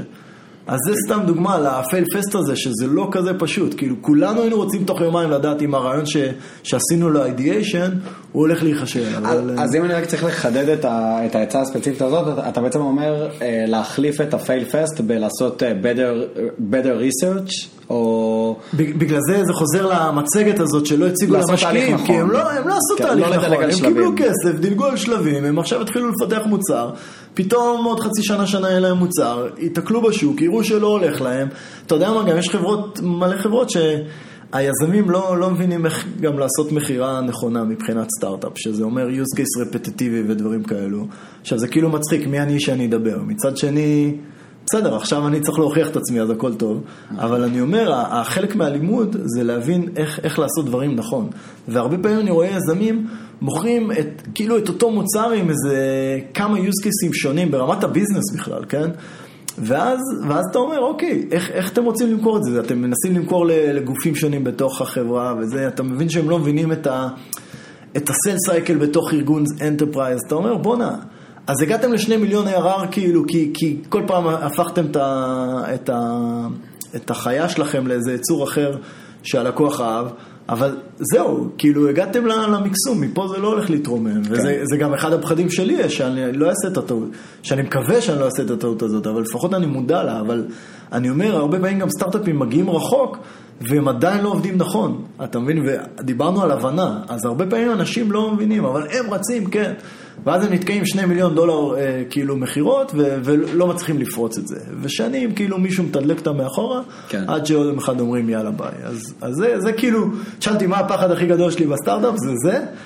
אבל אה, בסדר, נגיע לגשר, נחצה. היה פה עכשיו סוגריים של איזה רבע שעה, עשרים דקות, אבל זה היה סבבה, זה היה סופר מעניין. סבבה. אה, אז, אז אה, רצינו לחזור לסיפור שבעצם המהלך של הקריירה וסיימת את הצבא, עבדת בתור פרילנס, אני מניח עם היכולות שצברת ולקחת פרויקטים ש... אני, אני אספר לך סיפור על פרילנסינג, מה זה... שוב, אני פוגש הרבה יזמים בכל מיני שלבים. יזם זה גם לא חייב להיות מישהו שמקים סטארט-אפ. אני, אני יזמתי חברה שהיא לא הייתה סטארט-אפ, החברה הראשונה. ו- ומגיעים אליי כל מיני חבר'ה, אם זה איך שאתה הגעת אליי, נכון? שכמה פעמים הייתי צריך לצעוק עליך כדי להעיר אותך, ו- וכל מיני חבר'ה אחרים, וגם יזמים שכן מרימים סטארט-אפ, שגם צריכים את הצעקות, וגם אני צריך את הצעקות, זה בסדר, זה חלק מהלמידה שלנו, ובגלל זה אנחנו באים לאנשים לדבר איתם. אבל החוכמה היא להקשיב, והחוכמה גם לדעת שהרבה פעמים, גם אליי, באים אליי כל מיני חבר'ה, מה, אבל כל הסטארט-אפים עושים X, למה אתה לא עושה X? ואני אומר להם, אוקיי, בוא נשב דקה, אני אספר לך למה אני טיפה שונה, כי אנחנו באמת סטארט-אפ טיפה שונה בנוף, ולמה X לא, לא נכון. כמו שאמרנו, יש פייל פסט, אז יש כל מיני אמירות של כזה, תוציא את המוצר שלך, ואם ביום שהוצאת אותו, אז, אז הוא לא נשבר, זה אומר שהוצאת אותו מאוחר מדי, כאילו לא נשבר אצל הלקוחות, נכון? כן. עכשיו, אני מוצר שהוא critical infrastructure, זאת אומרת המוצר שלי הוא, הוא, הוא critical להצלחה של, של הלקוח שלי, אם אה, סתם אני database נגיד, אה, ומחר ה-database לא יעבוד באפליקציה של הלקוח, אז, אז הוא יזרוק אותי לכל הרוחות, אז מה זה תוציא את זה גם אם זה טיפה לא אפוי נכון, מה, חרטא? אז יש אמירות כאלו אבסולוטיות שכולם אוהבים לצטט לך, ואז יבוא לך איזה חמור, יגיד לך, כן, מה, איך אתה מחכה, איך עוד לא הוצאת מוצר? ואתה אומר, תקשיב. אני צריך לבנות פה חללית, אם זה קורס כאילו זהו, הלקוח בועט אותי, יש לי one chance. זה לא detection על הצד שאם לא עליתי לך על הווירוס אז באסה, אבל לא הקרסתי לך את החברה. זה, זה... אז בגלל זה אני אומר, היזמים צריכים מאוד להיזהר, לא להיתפס לכל מיני אמירות כלליות, שהרבה פעמים הן לא, לא נכונות. ועוד פעם, זה חוזר להבנה. תבינו מי אתם, תבינו מה ה-DNA שלכם, תבינו מה המוצר שלכם, תבינו את הנוף מול הלקוח, ואז תחליטו עם כל מיני אמירות כאלו שאנחנו שומעים בספרים או בכל מיני טוויטים וזה, אם כן. הן נכונות לנו. אבל רגע, אני, אני צריך למקד אותך, דיברנו על, על. על העניין של הפרילנס. אז, אז רגע, אז עכשיו, לא. נכון, כי, כי זה כל אני מנסה הזמן- לשמור, לשמור את הרצף הלוגי פה. וטוב שאתה עושה את זה, יש רצף לוגי. העניין זה הפרוץ'. קפץ, קפץ, קפץ לסטארט-אפים. אני כל פעם מנגן פה על נקודה אחת של גם הגישה וה, וההבנה, להבין את הדברים ולא לרוץ לעשות, לשבת קצת, לחשוב אז יותר. מהתקופה של הפרילנס, ו- מה נגיד- מה נגיד ובפרילנס- השיעורים שלקחת או למדת בתקופה? לפני חצי שנה פנתה אליי בחורה, אומרת לי, גיל, מה נשמע, אתה זוכר אותי בלינקדאין? אני אומר לה, כן, את היית שם איזה מנהלת משהו. היא אומרת לי, מנהלת משהו, אני הרמתי חצי מהחברה שם. אמרתי לה, טוב, לא ידעתי. אז אני אומר לה, מה, מה הסיפור? היא אומרת לי, בוא, אני רוצה להתייעץ איתך על משהו, עלינו, עלינו לשיחה, ואז בכמה דקות הראשונות של השיחה, היא אומרת לי, תגיד, אתה זוכר את הפרויקט שעשית לנו? אני אומר לה, ברור, זה היה אחד הסיפורי גבורה שלי, כאילו, אני גאה בפרויקט הזה. אז היא אומרת לי, אתה לא מבין מה זה עשה אצלנו. עכשיו, אני אספר שנייה מה היה הפרויקט. זה היה, אני לא אגיד את שם החברה ומה הם עשו וזה, אבל זה היה חברה שהיה לה מוצר desktop, אה, מה שנקרא בווינדוס, קיים כבר איזה 15 שנה דאז, זה סיפור מלפני איזה עשור יותר, ו... ותחשבו סתם, נגיד כמו יש אה, בוורד, תחשבו שאתם טוענים אה, מסמכים ובאיזשהו שלב המסמך לא ניתן. הוא אומר לך, אין לי מספיק זיכרון, סגור את כל וורד, פתח אותו שוב, ו- ועכשיו ת- תמשיך לטעון מסמכים. וזה מעצבן כאילו מבחינת יוזביליות. ובעצם הם, הם חיפשו שיבוא איזה עלק אה, קוסם. ו- ויפתור להם את הבעיות זיכרון, היה להם דליפות זיכרון, ולא רק דליפות זיכרון, שוב, אני לא יודע באיזה לבל פה הפודקאסט, אבל היה גם אה, פרגמנטציה בזיכרון. תחשבו, מה זה פרגמנטציה? זה אומר שבזיכרון, תחשבו שיש אה, נתיב, אה, נתיב בכביש, ועומד עליו אופנוע. אז אוטובוס לא יכול לעמוד שם, זה לא משנה כאילו כמה, לאן תדחוף את האופנוע, אם יש שם אופנוע, אוטובוס זהו, תפסו לו כאילו את המיקום. אז יש כל מיני בעיות כאלו. ו- ובאתי אליהם, ודיברתי עם ה-CTO, ואני אומר לו, תקשיב, אני בשבועיים פותר לך את זה. עוד לפני שידעתי מה הבעיות, זה כבר אני מספר לכם כאילו... רצית להרשים. אותם או שבאמת לא, לא, או לא. שבאמת חשבת שזה- שאתה פותר דבר כזה בשבועיים? חשבתי שאני פותר את זה בשבוע, אמרתי להם שבועיים. ו- והם באו ואמרו לי, תקשיב, היו פה הרבה חכמולוגים כמוך, אף אחד לא פתר את זה. ואז הוא גם התחיל לזרוק עליי קללות טכנולוגיות, והוא אומר לי, כן, זה הצרות שלנו, אפילו לא הצלחנו לדבק לעצמנו את האפליקציה וזה, לא משנה.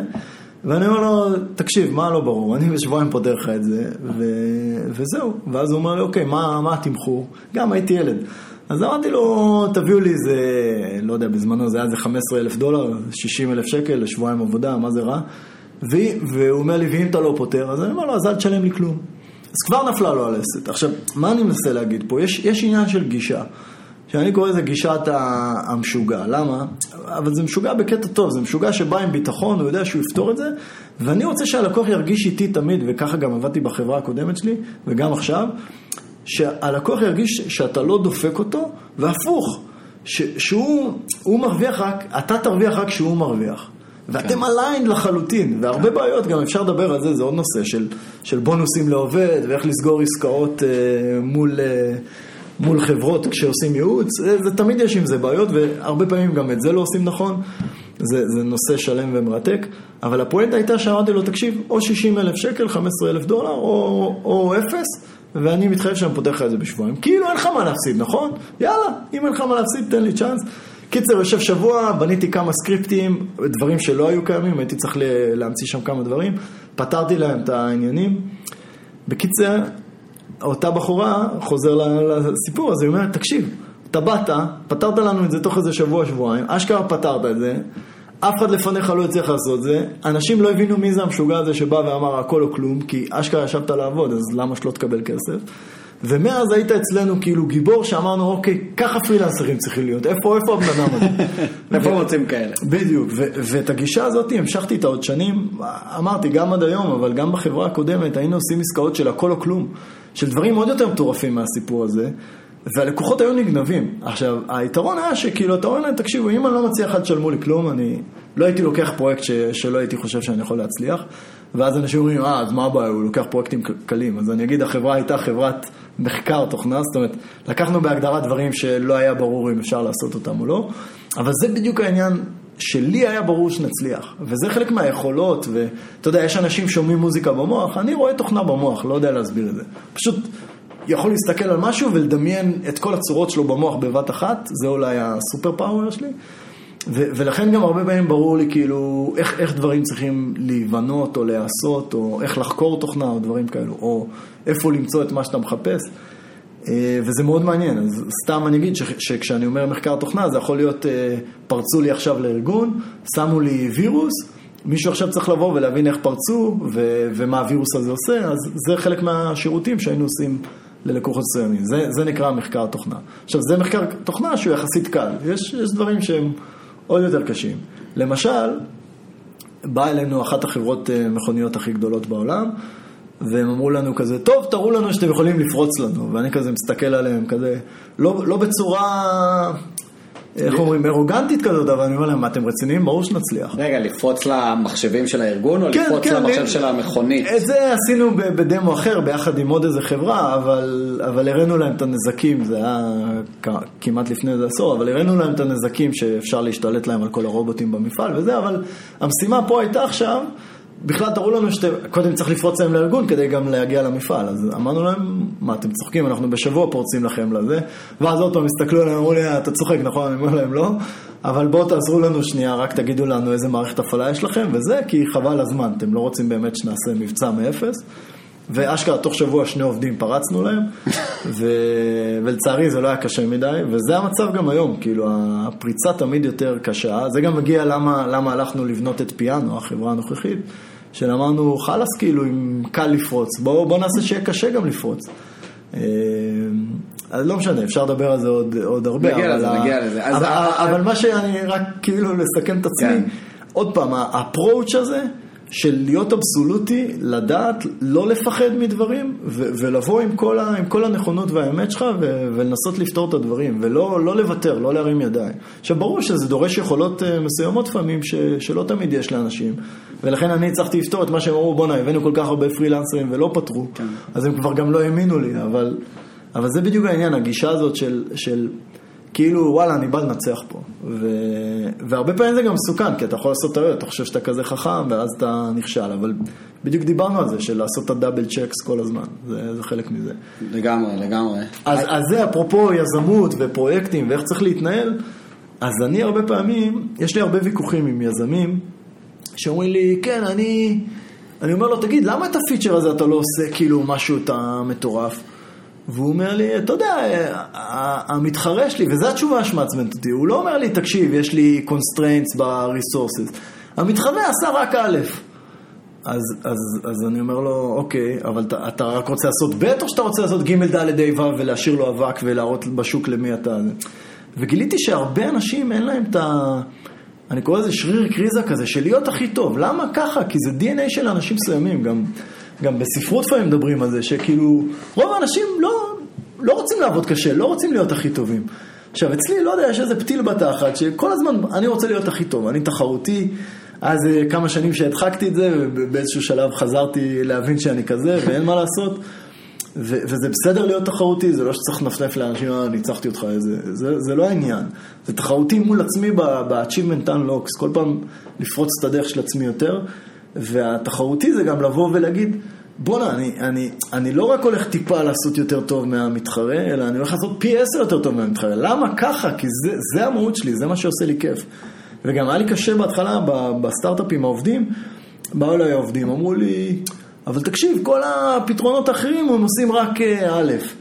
ואני כזה מסתכל עליהם, חוטף איזה גל חום כזה, ואני אומר, תקשיבו, אנחנו בסטארט-אפ, אם אנחנו לא נחשוב, הפוך, אם אנחנו רק נחשוב שמספיק לעשות ב', או תמיד עוד אקסטרה צעד אחד מהמתחרים, אנחנו לא ננצח, כי בשוק הזה אתה לא יודע מה, מי קם, מי פה, מי שם, ויש עוד מיליון סיבות למה נצליח או לא נצליח כמובן, אבל בהקשר הזה, החינוך שאני מנסה לעשות, הקלצ'ר של אנחנו פה להיות הכי טובים וצריך לחשוב כאילו לתכנן, לפחות לתכנן הכל קדימה, ואז להחליט מה המציאות מכתיבה לנו שאפשר לעשות. כן. אז, אז בקטע הזה גם, אני כל הזמן רואה את זה, והיה לי מלחמות ממש קשות עם, ה, עם החבר'ה, עד שהם התרגלו לרעיון של, טוב, הוא, הוא אחד שכל הזמן רוצה קדימה, רחוק, וכאילו, נתחיל לדלבר את זה. זה זאת התקווה. אתה חושב שלאנשים נגיד שעבדו איתך בחברה בנורת'ביט והם לא כאלה, זאת אומרת הם עובדים טובים, הם חכמים, הם באים לעשות את העבודה, אבל אין להם, כמו שאמרת, מה שיש למעט מאוד אנשים את הדחף הזה להצטיינות ולהיות נאמבר 1 וכל הזמן אה, לעבור את הרף שהצבת לעצמך. אתה חושב שעבורם היה קשה לעבוד עם מנהל כמוך? אז... אולי הם הרגישו שאתה מתאכזב מהם? תראה, אני, זה נכון שיש לי הרבה ציפיות מאנשים ו, והרבה אכזבות, זה חלק מה, מהעניין, אבל מה היופי שכשאתה מראיין את האנשים, אז אתה, אתה יודע עם, אתה, עם איזה חומר אתה עובד, ואם קיבלת מישהו אז אתה כבר יודע שהסיכוי שתתאכזב ממנו הוא מאוד נמוך. אתה כבר די יודע מה אתה מקבל. אם אתה לא יודע מה אתה מקבל, סימן שאתה לא יודע לראיין אנשים, או לא יודע להסיק מה, מה החומר אה, שתקבל. מה היית אומר? עכשיו, אני לא מדבר, תמיד יש את ה-1% שאתה, שאנחנו עושים טעויות, כן, אני לא מדבר על זה, אני מדבר על, על הכללי. תראה, אני, אני בן אדם, זה כאילו מצחיק, בשוק יש איזה שם כזה שהחברה הקודמת, בנורת'ביט, כאילו, הראיונות סופר קשים. עכשיו, מה היה הבדיחה? שזה עד היום זה הורג אותי, ועד היום אנשים נופלים על זה, שהיינו נותנים לאנשים לתכנת דברים ממש, ממש פשוטים, של כמה שורות קוד, ולא תמיד עם איזה טריק מסוים. זאת אומרת, כן. השאלה הראשונה כדי להוריד אה, מתח, עד היום, הנה, אני מספר פה. ועד היום אנחנו עושים את זה, נמשיך לעשות את זה, אני, אתה מכיר את המשחק של שבע בום? כששיכורים כזה, גם, אני נותן, גם אני נותן את זה בשאלה, בתור שאלה הראשונה. ועד היום אנשים לא מצליחים את זה. כן, פיזבאז, שבע בום. ואני אומר, כאילו, בוא נעט... עכשיו הנה, זה עוד פעם הקטע הזה, הנושא הזה של החוסר מקצועיות של אנשים, שמה, אבל אני עבדתי 20 שנה בסיניור באיזה חברה, ו... ואני יודע לתכנת. מי אתה שאתה תקבע שאני לא יודע לתכנת? ואני אומר, תשמע, אני לא קובע כלום, אבל זה הרעיון שלי. התבקשת לכתוב עשר כן. שורות קוד סופר בסיסיים, את זה לא תצליח. אתה מאמין שאתה תכתוב לי מערכות פה פי מאה יותר מטורפות בצורה כן. טובה, אני לא הולך לסמוך עליך, כאילו. כן. וזה בדיוק העניין, ה- ה- ה- עוד פעם, החוסר הבנה והדברים האלו, ו... רגע, אבל רציתי לשאול אותך את השאלה, האם אתה חושב שלעובדים שלך היה קשה... שנייה, ואז אני חוזר לזה, ש- שהיה לנו את השם הזה שהיינו קשוחים בתעשייה ברעיונות, ו... והאנשים שכן הגיעו, אבל הם, כבר ידעתי שאני יכול לסמוך עליהם, ולא היה אכזבות, כאילו. ואני כן אבל בן אדם מאוד demanding. אתה יודע, תמיד אומרים, כן, הוא בן אדם קשה. בסדר, מה זה קשה? הבן אדם רוצה להצליח. למה? מייקל אה, ג'ורדן שם, נכון? בסדרה כן. שלו בנטפליקס, הוא אומר, תקשיבו, אני ידעתי שיש מחיר להתנהגות שלי. זאת אומרת, ידעתי שכדי לקחת את כל הצוות שלי, זה לא 2x קדימה, הוא לקח אותם 100x קדימה, שזה insane כאילו. כן. והוא ידע שהוא צריך לצעוק עליהם, ואולי צריך אה, לתת להם פליק בתחת, ו- כן. ו- ולקלל אותם, הוא דיבר על זה הרי. כן, והוא העביר ו- להם מתחילת העונה שהוא בונה קבוצה לאליפות. בדיוק, הוא בא לנצח. כן. ו- ואני אומר גם לאנשים, כאילו, אני רוצה להצליח, כן. ואתם חלק מהצוות הזה, ואם אתם רוצים להצליח, אז יש דרך לעשות זה. כן.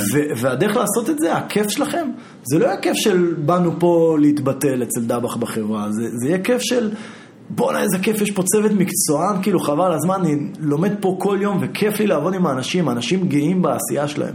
וזה האנשים שאני מכוון להביא, שהם כאילו אומרים, זה לא סתם עבודה 9 to 5, אני, אני גאה ביצירה הזאת, וזה גם מוטיב ש, שאני רואה את, אצלי הרבה ו, ופחות אצל אנשים אחרים.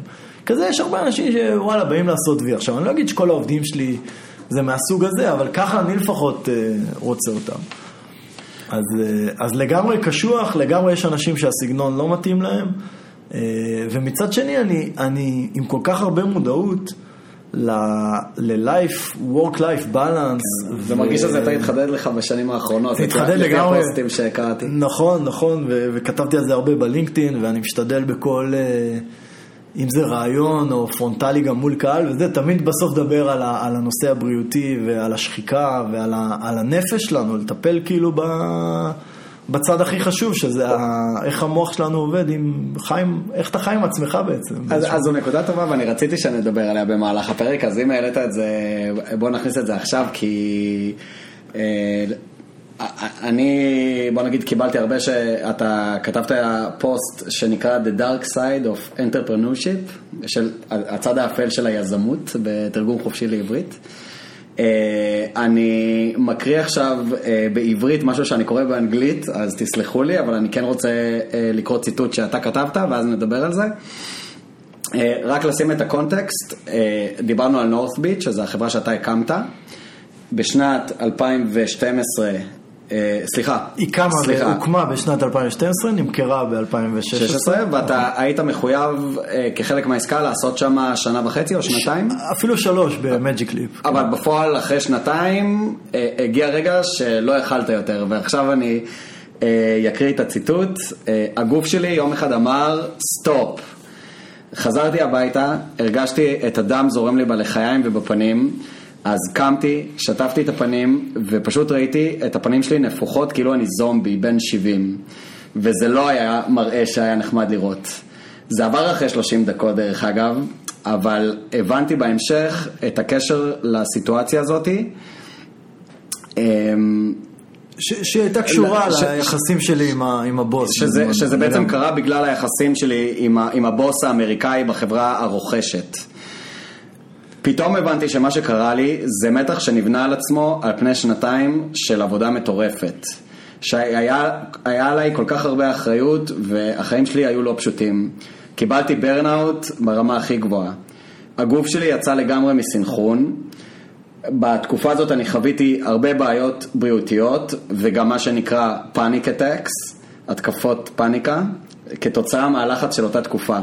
לא הבנתי את זה בכלל באותה תקופה. זה עצוב, אבל רק בראייה לאחור למדתי מה זה התקפי פאניקה, ואז הבנתי מה, ש, שח, שחוויתי הרבה כאלו בתקופה הזאת. אמ, אז אני יודע שקצת קפצתי קדימה, אבל זה כבר בא בקונטקסט של הברנאוט. אתה רוצה ככה עכשיו במילים אה, שלך לקחת אותנו קצת לתקופה הזאת, מה קרה שם בשנתיים האלה שהביא אותך למצב כזה שאתה, שאתה באמת חוטף התקפי פאניקה? תקשיב, זה לא צחוק. כאילו, אני אומר גם... אה, האמת נראה לי, אני כאילו אגיד את זה בצד שלישי, המאזינים כבר אומרים, אוקיי, הבנו אם יש פה עסק, יש פה בחור שהוא טוטאלי, הוא פרפקציוניסט, הוא תחרותי, זאת אומרת, זה מתכון כל כך obvious לזה שאתה אומר, בואנה, הקטר הזה, הוא ינוע על משימה גם באלף קמ"ש, ואם יכיר הוא לא יעצור, הוא ימשיך. ו- ו- ואני בטוח שהיה הרבה מקרים בחיים שלך שזה מה שקרה. שהקטר המשיך וזה עבד, נכון? ואז אתה גם, יש לך reward על ההתנהגות שלך, נכון? כאילו, בסוף אנחנו גוש אה, פסיכולוגי שכל הזמן משתנה אוטומטית, אה, או שלא, ואז אתה בבעיה, אבל, אבל אצלי, נכון, השילוב הזה של ה... של ה... נקרא לזה המאפיינים הפסיכולוגיים, שאמרתי שאני טוטאלי או תחרותי וזה, או פרפקציוניסט גם, זה מתכון כזה שבסביבות מסוימות, שאני אגיד את זה בצורה הכי, כאילו, בעיניי, איך שאני תפסתי את ה- את המקום עבודה הזה, ש... שבסביבות עבודה בינוניות, אני לא יכול לפרוח שם, ואם היה לי בוס, והאמת אני מתפלא ש... ש... שהודיתי וכתבתי שזה ב...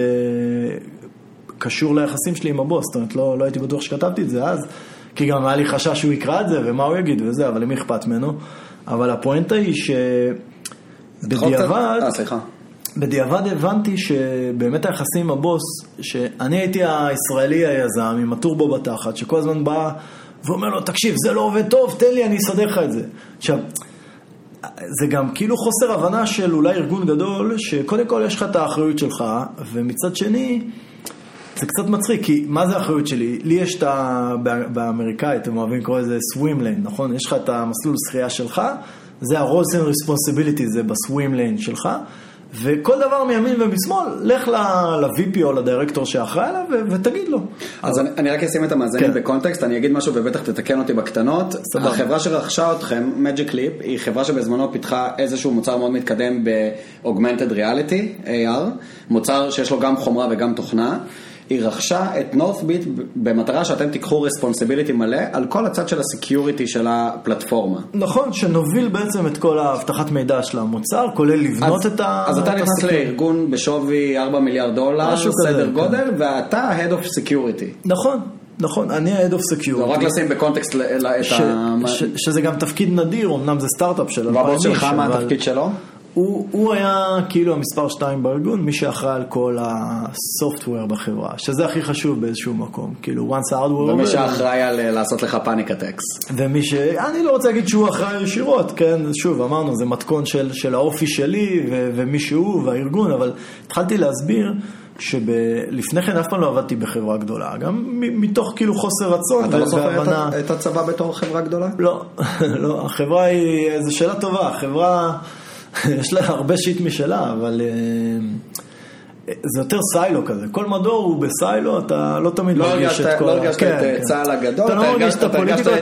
את גם שאתה בו עובד- הייתי, שאתה הייתי עובד כאילו איתו. ילד מטומטם ש- שלא קם מהמחשב, כל היום אה, עבד מול המחשב, אז אז גם לא הבנתי פוליטיקות ולא זה, אבל אחרי הצבא כבר התחלתי ל...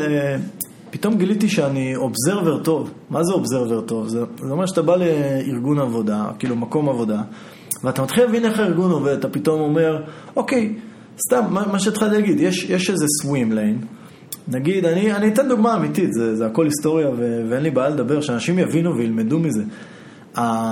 היה לנו, אה, זה נקרא build break, זה אומר שהקוד שהמתכנתים עובדים עליו הוא נשבר, ועכשיו הם צריכים לחכות שיהיה איזה תיקון, שהקוד ימשיך לעבוד, ועד אז כולם תקועים. וכל יום, זאת אומרת, היה לנו, זה באיזה תקופה? אה, ב- בחברה, במג'יק ליפ, במג'יק- כל, יום היה build break, בסדר? אתה רוצה אולי להסביר את זה? לא, בסדר, כן, זה כן.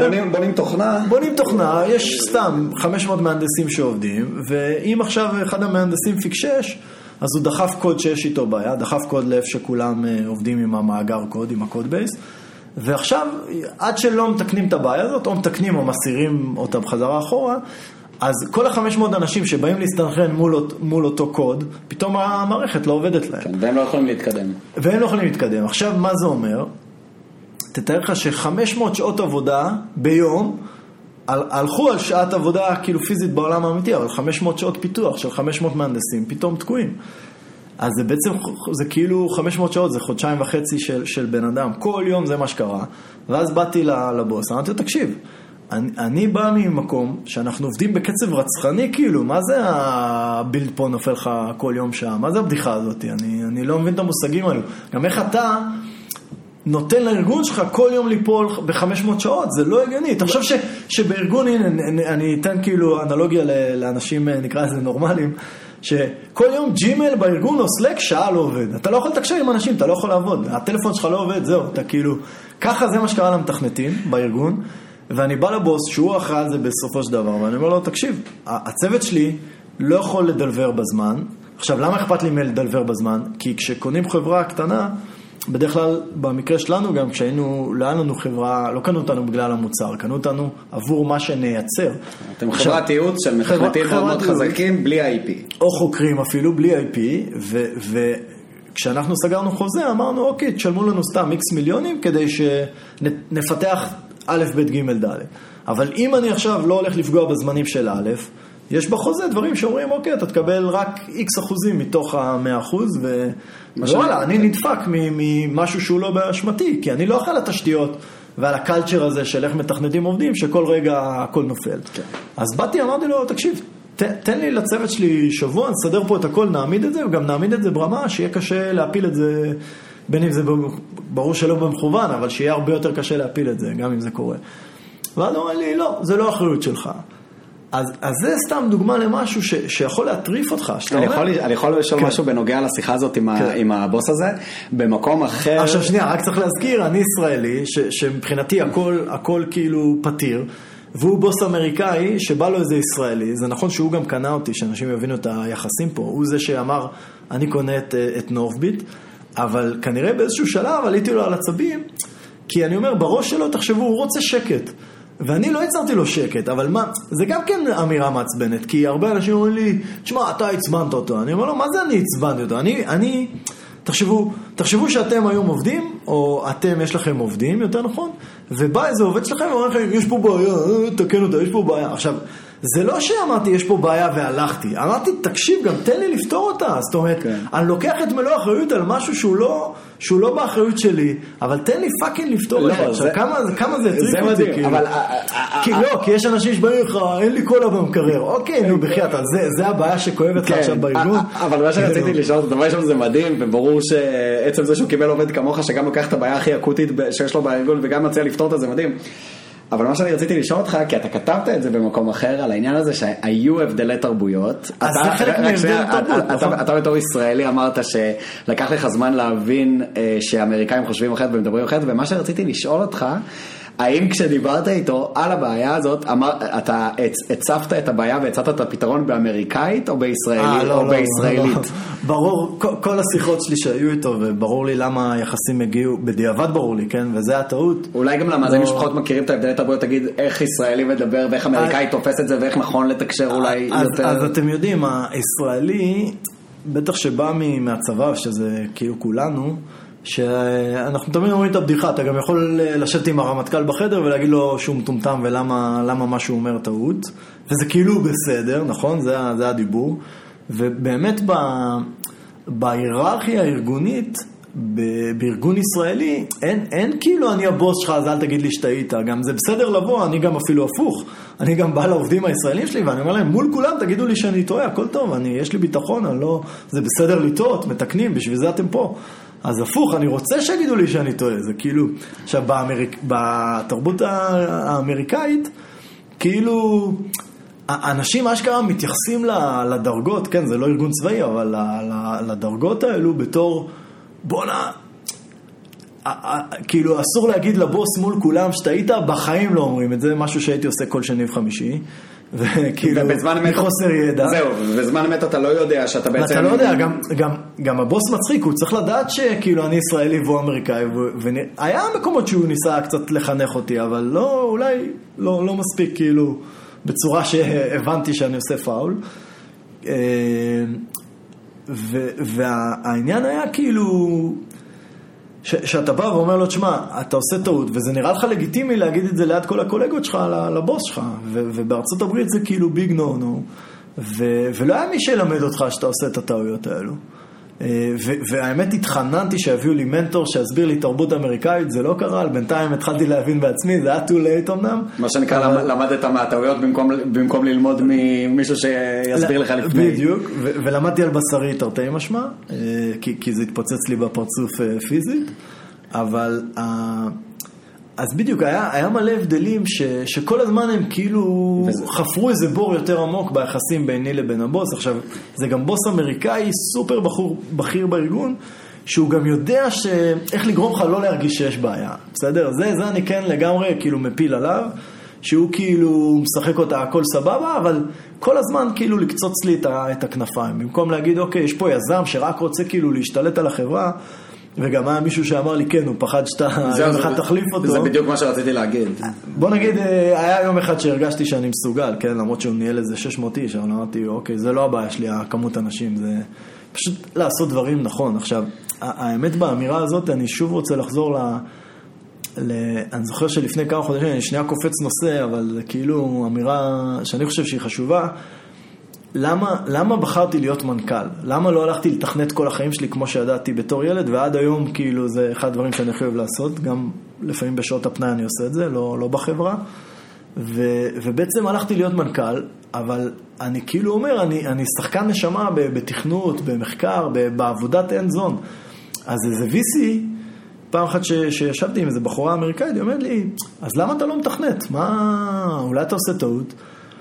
ואז אמרתי לה, את צריכה להבין כאילו מי אני ומה אני ואיך אני חושב, אבל החשיבה שלי, אחרי שראיתי כל כך הרבה אנשים עושים טעויות, ו- ואת הבוס שלי, ונכוויתי מזה וזה, אני אומר, אוקיי, אני יודע שיש לי היגיון בריא, אני, אני מבין איך דברים צריכים להיבנות, אפרופו איך לא רק לבנות מוצרים, אלא גם את הארגון וזה, אז, אז אני רוצה לקחת את הידע הזה כדי להיות במקום עם הכי הרבה אימפקט, ש, ש, שמונע את כל הטעויות האלו. וגם אם לא מונע, אז לפחות אם הם קרו, מתקן אותם.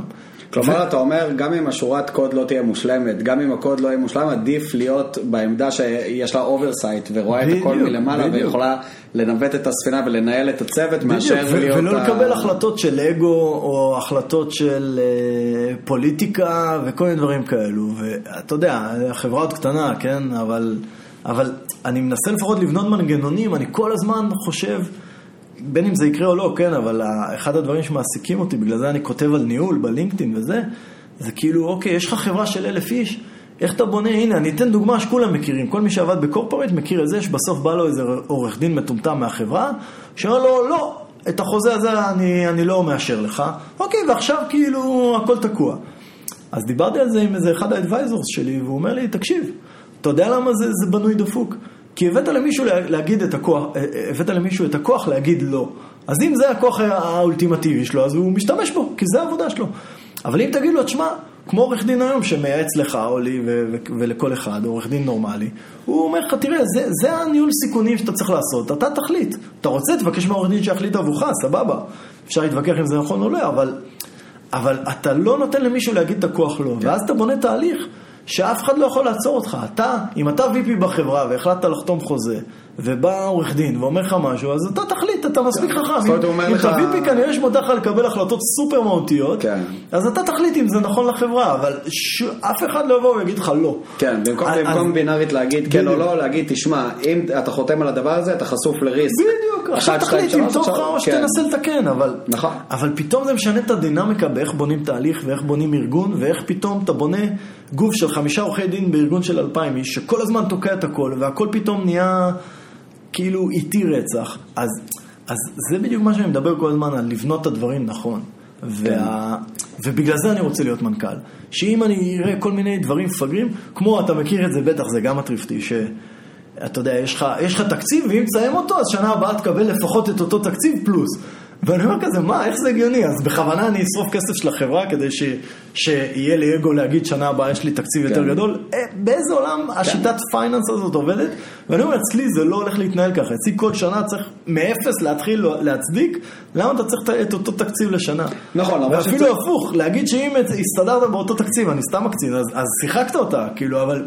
כאילו יש דברים שהם אינהרנטית דפוקים, שאתה אומר, בואנה, אני אני אגיד לך מה, אני הכי מסכים איתך בעולם, אבל אני גם רוצה להגיד שבעיניי זה קל לך בעמדה שלך להגיד את זה, כי אם פיאנו תגיע לאלף עובדים, ואני מאחל שגם בהמשך תגיע לעשרת אלפים עובדים, זאת אומרת בפוזיציה הזאת, היא בהכרח יהיו inefficiencies אתה צודק שיהיו לא inefficiencies, רק אבל שנייה, אבל. אבל יש דברים ב-DNA כאילו אתה לא יכול... להאשים את- את הקורפורט האלה שיש להם את, ה, את המקרה הזה של הבאג'ט כי אני- ה- אני ה- לגמרי כשאתה יכול. מנהל ארגון כזה לא אבל אני אומר עזוב זה יהיה משהו אחר זה, אם זה לא זה זה יהיה משהו אחר אבל כשאתה מנהל ארגון של 50 אלף איש של 100 אלף איש זה כבר לא אותו דבר כמו היום אתה רואה משנה, אין, אבל- אין דבר שקורה אתה- בחברה שלך שאתה לא רואה אז שנייה, זה לא קשור. לא צריך לראות דברים כדי לבנות אותם בצורה מסוימת, בסדר? וזה היופי במערכות. אתה בונה תשתיות, כמו שאמרנו, אם אתה מביא לעורך דין את הכוח להגיד לא, אז, אז אוקיי, הוא יתחיל לתקוע לך דברים. וזה הבנה של ניואנס כל כך קטן, שאני רואה מלא ארגונים שלא עושים את זה. ו- ואני אומר, לא משנה, ההתלהבות שלי אבל מ- מלנהל זה, זה לדעת שאני לא, לא הולך גמור. לעשות את הטעויות, או. להשתדל לפחות לא לעשות את ה... גם תראה, זה הקסם בחברות קטנות בינוניות. זאת אומרת, זה גם בסדר להגיד, אני לא יודע לאן אתה מכוון שפיאנו תגיע, אבל זה גם, אפשר להגיד שזה הסוויט ספוט. כלומר, להגיע לאיזה מקום שיש צוות חזק, אני לא יודע להגיד אם זה 500 עובדים או 1,000 עובדים, ופה לתת, יש חברות שעד 1,000 עובדים הגיעו לשווים מטורפים, כי כן, לדעתי יש משהו שמתקלקל, אני לא יודע להגיד בדיוק אם זה מעל 500 עובדים או מעל 1,000 עובדים, בוא נגיד את זה ככה, מרגע שמנכ"ל כבר לא, כבר לא מכיר כל עובד ב... אני לא אגיד אפילו בשם, לא, לא יודע אה, כל מחלקה בארגון, אה, מה, מה בדיוק קורה, בה ומה היא עושה, והרבה החלטות נלקחות ממנו, כי הוא פשוט לא יכול כבר לעמוד ב, בזה, אז הוא גם לא צריך לקבל את כל הרי אתה מבין מה. הקטע בארגון של אלף עובדים ומעלה, גם אם יש לך שבע או שמונה מחלקות, ו-90% מה, מהסמנכ"לים טובים, ואחד אחד הוא בינוני, זה כבר אומר שדברים התחילו לזלוג נכון, נכון. למטה. אה, תראה, יש כל כך הרבה בעיות, אבל הכיף שלי, כמו, כמו בלהיות האקר בתוכנה ו- ולחקור, זה, זה למצוא את הבעיות האלו ולתקן אותן ולנסות למנוע אותן מראש. אתה יודע, כן. בצבא תמיד היינו צוחקים על זה, גם בקורס קצינים, שאתה אומר, אוקיי, ככה אני לא הולך להיות מפקד. זאת אומרת, זו הדוגמה הקלאסית לאיך לא להתנהל עם אנשים, ו- וזה אותו דבר בניהול. עכשיו, הכיף... אנשים יוצרים, זאת אומרת, אני, אני סופר מקנא במתכנתים שלי בחברה, באמת אני אומר את זה, כי, כי כיף להם, כאילו הם לא צריכים להתעסק עם 100 אנשים וזה, הם יושבים, כותבים את הקוד עם הכמה... הם עושים את. ה-execution. הם, הם, הם נהנים, הם משפריצים קוד, ו, וכאילו, מצד שני, ההנאה שלי היא אחרת. והיא הנאה גם בעין, אפרופו. וזה בדיוק העניין, אני גם למדתי ליהנות מה, מהצדדים האלו. וכאילו, הסיבה בסוף שאמרתי, כאילו, תמיד היה לי חלום כזה, בוא נביא איזה מנכ"ל מטורף, ו- וכאילו זה לא קורה, ואז אתה אומר, יאללה, אני, אני אתחיל לנהל את הדברים כמו שאני מבין, ו- ולשמור על כל מיני גבולות גזרה ועקרונות מסוימים, שיגרמו לדברים להיות uh, טובים. ו- ויהיה בסדר, כאילו, זו, זו, זאת האמונה. אני מאמין בך לגמרי, אין לי ספק שיהיה בסדר. כן, כן, תודה. קפצנו מהברנאוט וחשבתי שיהיה מעניין אה, ככה קצת לדבר על, על התהליך שקרה שם ואם יש יזמים שזה קורה להם גם אז אז, אז שנייה, אני, אז, נכון, אנחנו... זה נושא שאתה רוצה להיכנס אליו כי כן, אפשר, כן, אפשר, כן. אפשר גם ה- אה, לקחת את זה לכיוון אחר. לא, לא, זה קריטי. חשבתי שזה יהיה מעניין כן לדבר על זה קצת, כי אני חייב אה, רק להגיד שעברתי על הפוסטים שקראת על כולם, והפוסט הזה מבחינת הפופולריות שלו נכון. וההדים שהוא עורר בי פאר, נכון. זה היה הכי חזק, אז, אז אני ניסיתי ככה לחשוב מה יהיה מעניין אה, ב, אז- אז בפרק שנייה- לדבר עליו, ואני, ואני חושב שזה יהיה רלוונטי ל, ל, לפחות לחלק מהאנשים. אז, אז כמו שכאילו אמרנו, לפעמים קשה לעשות הפ- את הפייל פסט, כי אתה מפספס, אז סתם אני קושר את זה לזה, שפה לא הבנתי בכלל ש, שיש איזו מצוקה, כאילו, לא הבנתי מה, מה עובר עליי, לא הבנתי שהתקף חרדה זה, זה קורה בצורה כזו או כזו. מה, תן או- דוג- או תן מיני דוגמה דברים. נגיד, לא- בוא, מה היה הדבר שקרה לך כש- כש- כהתקף חרדה, אני אבל אבל באותו אני- רגע אתה לא מבין בכלל, אתה לא מבין אני- שזה זה. בדיוק, אז הייתי איזה ארוחת ערב אצל אמא שלי, והכינה סתם כזה ארוחה, ופתאום באמצע האוכל עובר עליי איזה גל חום. זה, זה לקח בדיוק שנייה וחצי, ובאותה שנייה וחצי פתאום אין לי תיאבון. באמצע הארוחה, כאילו, כולי רעב וזה, יושב, טו- טורף, אוכל של אמא גם, ופתאום אני קם, שוטף פנים, ו, ובמקום כאילו להמשיך לסדר היום, אני אומר לאמא שלי, תקשיבי, פתאום הרגשתי כזה שאין לי תיאבון. ושתי שניות אחר כך גם, או חצי דקה אחר כך, לא יודע, התיאבון גם חזר, אבל, אבל הייתי מספיק כאילו, כן, לבוא ולספר לאימא שלי מה, מה הרגע עבר עליי, כי בדיוק עוד המשיכה לבשל, זה היא לא זה ראתה אותי. הבהיל אותך? לא, לא הבהיל אותי, לא הבנתי מה זה, כאילו, ואז... וכשאתה יושב שם בארוחה עובר לך בראש אה, מחשבות על עבודה? כנראה, אתה יודע, זה גם בתת מודע, כן, אתה, זה המוח רץ כל הזמן עובד, כן. כן. ואז אמא שלי עושה לי, אה, זה מה שהיה לך? אני עושה לה, כן, מה, מה זה? אה, זה התקף חרדה, לאבא יש כל הזמן כאלו. גדול. כי גם אבא שלי היה עצמאי, והיה לו 40 שנה, הוא היה מנכ"ל. גדול. אבל פתאום כשהיא אמרה את זה כזה בנונשלנט כזה, זה- כזה, אה, זה מה שזה, זה קרה לי עוד מאה פעם, ופתאום אתה כזה fuck. כאילו, לא ידעתי שהתופעה הזאת, כאילו- וכשאומר לך את זה, אתה- ישר כאילו אומר, כן, זה התקף חרדה? כנראה, "רגע, כנראה, אם. שוב, מה שתיארתי לה את התסמינים, כאילו, ואת ה... ומה אתה עושה ביום למחרת? לא, אין מה? לעשות, שום דבר, כאילו, אבל, שום דבר... זה, היה התקף של שנייה וחצי, כן, אבל... לא, אבל זה גם תמרור אזהרה, שקורה אה, דבר אתה כזה. עוד לא יודע להגיד מה... אז אתה ממשיך את. החיים שלך כרגיל. לא, עוד לא, היא גם לא אמרה לי, תקשיב, זה, אתה יודע, כאילו, כן. זה, זה גם בעיה, המודעות הזאת, זה, זה בדיוק למה אנחנו עושים את השיחה הזאת, כי הרבה פעמים, בדיוק, יש לך איזה סממן קטן, ו, ואתה לא מבין כאילו אם זה הולך להתפוצץ, או שזה סתם משהו זה. אה, אתה יודע, אנשים מכירים את זה, אולי זה, יש כזה תיק אה, בעפעף, שהשריר של העפעף קופץ, בטח מלא אנשים מכירים את זה. אז זה גם, זה סוג של כזה משהו שעובר על הגוף, שאיזה סטרס או משהו. אז יש, יש מיליון סממנים, ואני קיבלתי את אחד הכי גרועים, שממש הפנים שלי התנפחו בצורה רעה. ו- ולמחרת אה, הגשתי התפטרות, כאילו, עם, עם כל העצב שבדבר ועם החוסר יכולת... רגע, המקרה של אה, הפנים- של הפנים שסיפרת עליו בפוסט, זה אותו מקרה מה- מהארוחה או שזה... לא, לא, לא, זה סתם ש- הבאתי דוגמה, זה שני איבנטים שונים. זה איבנטים שונים, אני רק אומר איך זה, זה. האמת שלי היה עוד, עוד איזה סממן, אני לא יודע אם סיפרתי עליו שמה, אבל סתם זה מדהים, כשאני מדבר עם חברים על, ה, על הנושא של התקפי חרדה, אז הנה, נגיד ראיתי חבר פרסם שבוע שעבר בטוויטר, הוא אמר, הדופק לב שלי במנוחה עלה ל-80, ורק עכשיו שנתיים שלוש שכבר אני כאילו לא מנכ"ל ב... ב כאילו, מכרתי את החברה וזה, אני כבר לא המנכ"ל, אז רק עכשיו זה מתחיל לחזור לדופק אה, 60 או משהו וואו, כזה. כאילו הוא דרוך כל הזמן. בדיוק, עכשיו, אתה, אתה אומר, בואנה, הגוף שלנו, לכ... יש לי חבר אחד שנייה שמן, אחד נהיה קרח, אחד כל השיער נהיה אפור. אה, אני הפנים, בסדר, זה נדיר, כן, אבל גם, זה, זה חרש כאילו, לפעמים זה קורה, בקור עדיין, אה, כאילו הפנים אה, מתפוצצות כזה, מתעוותות.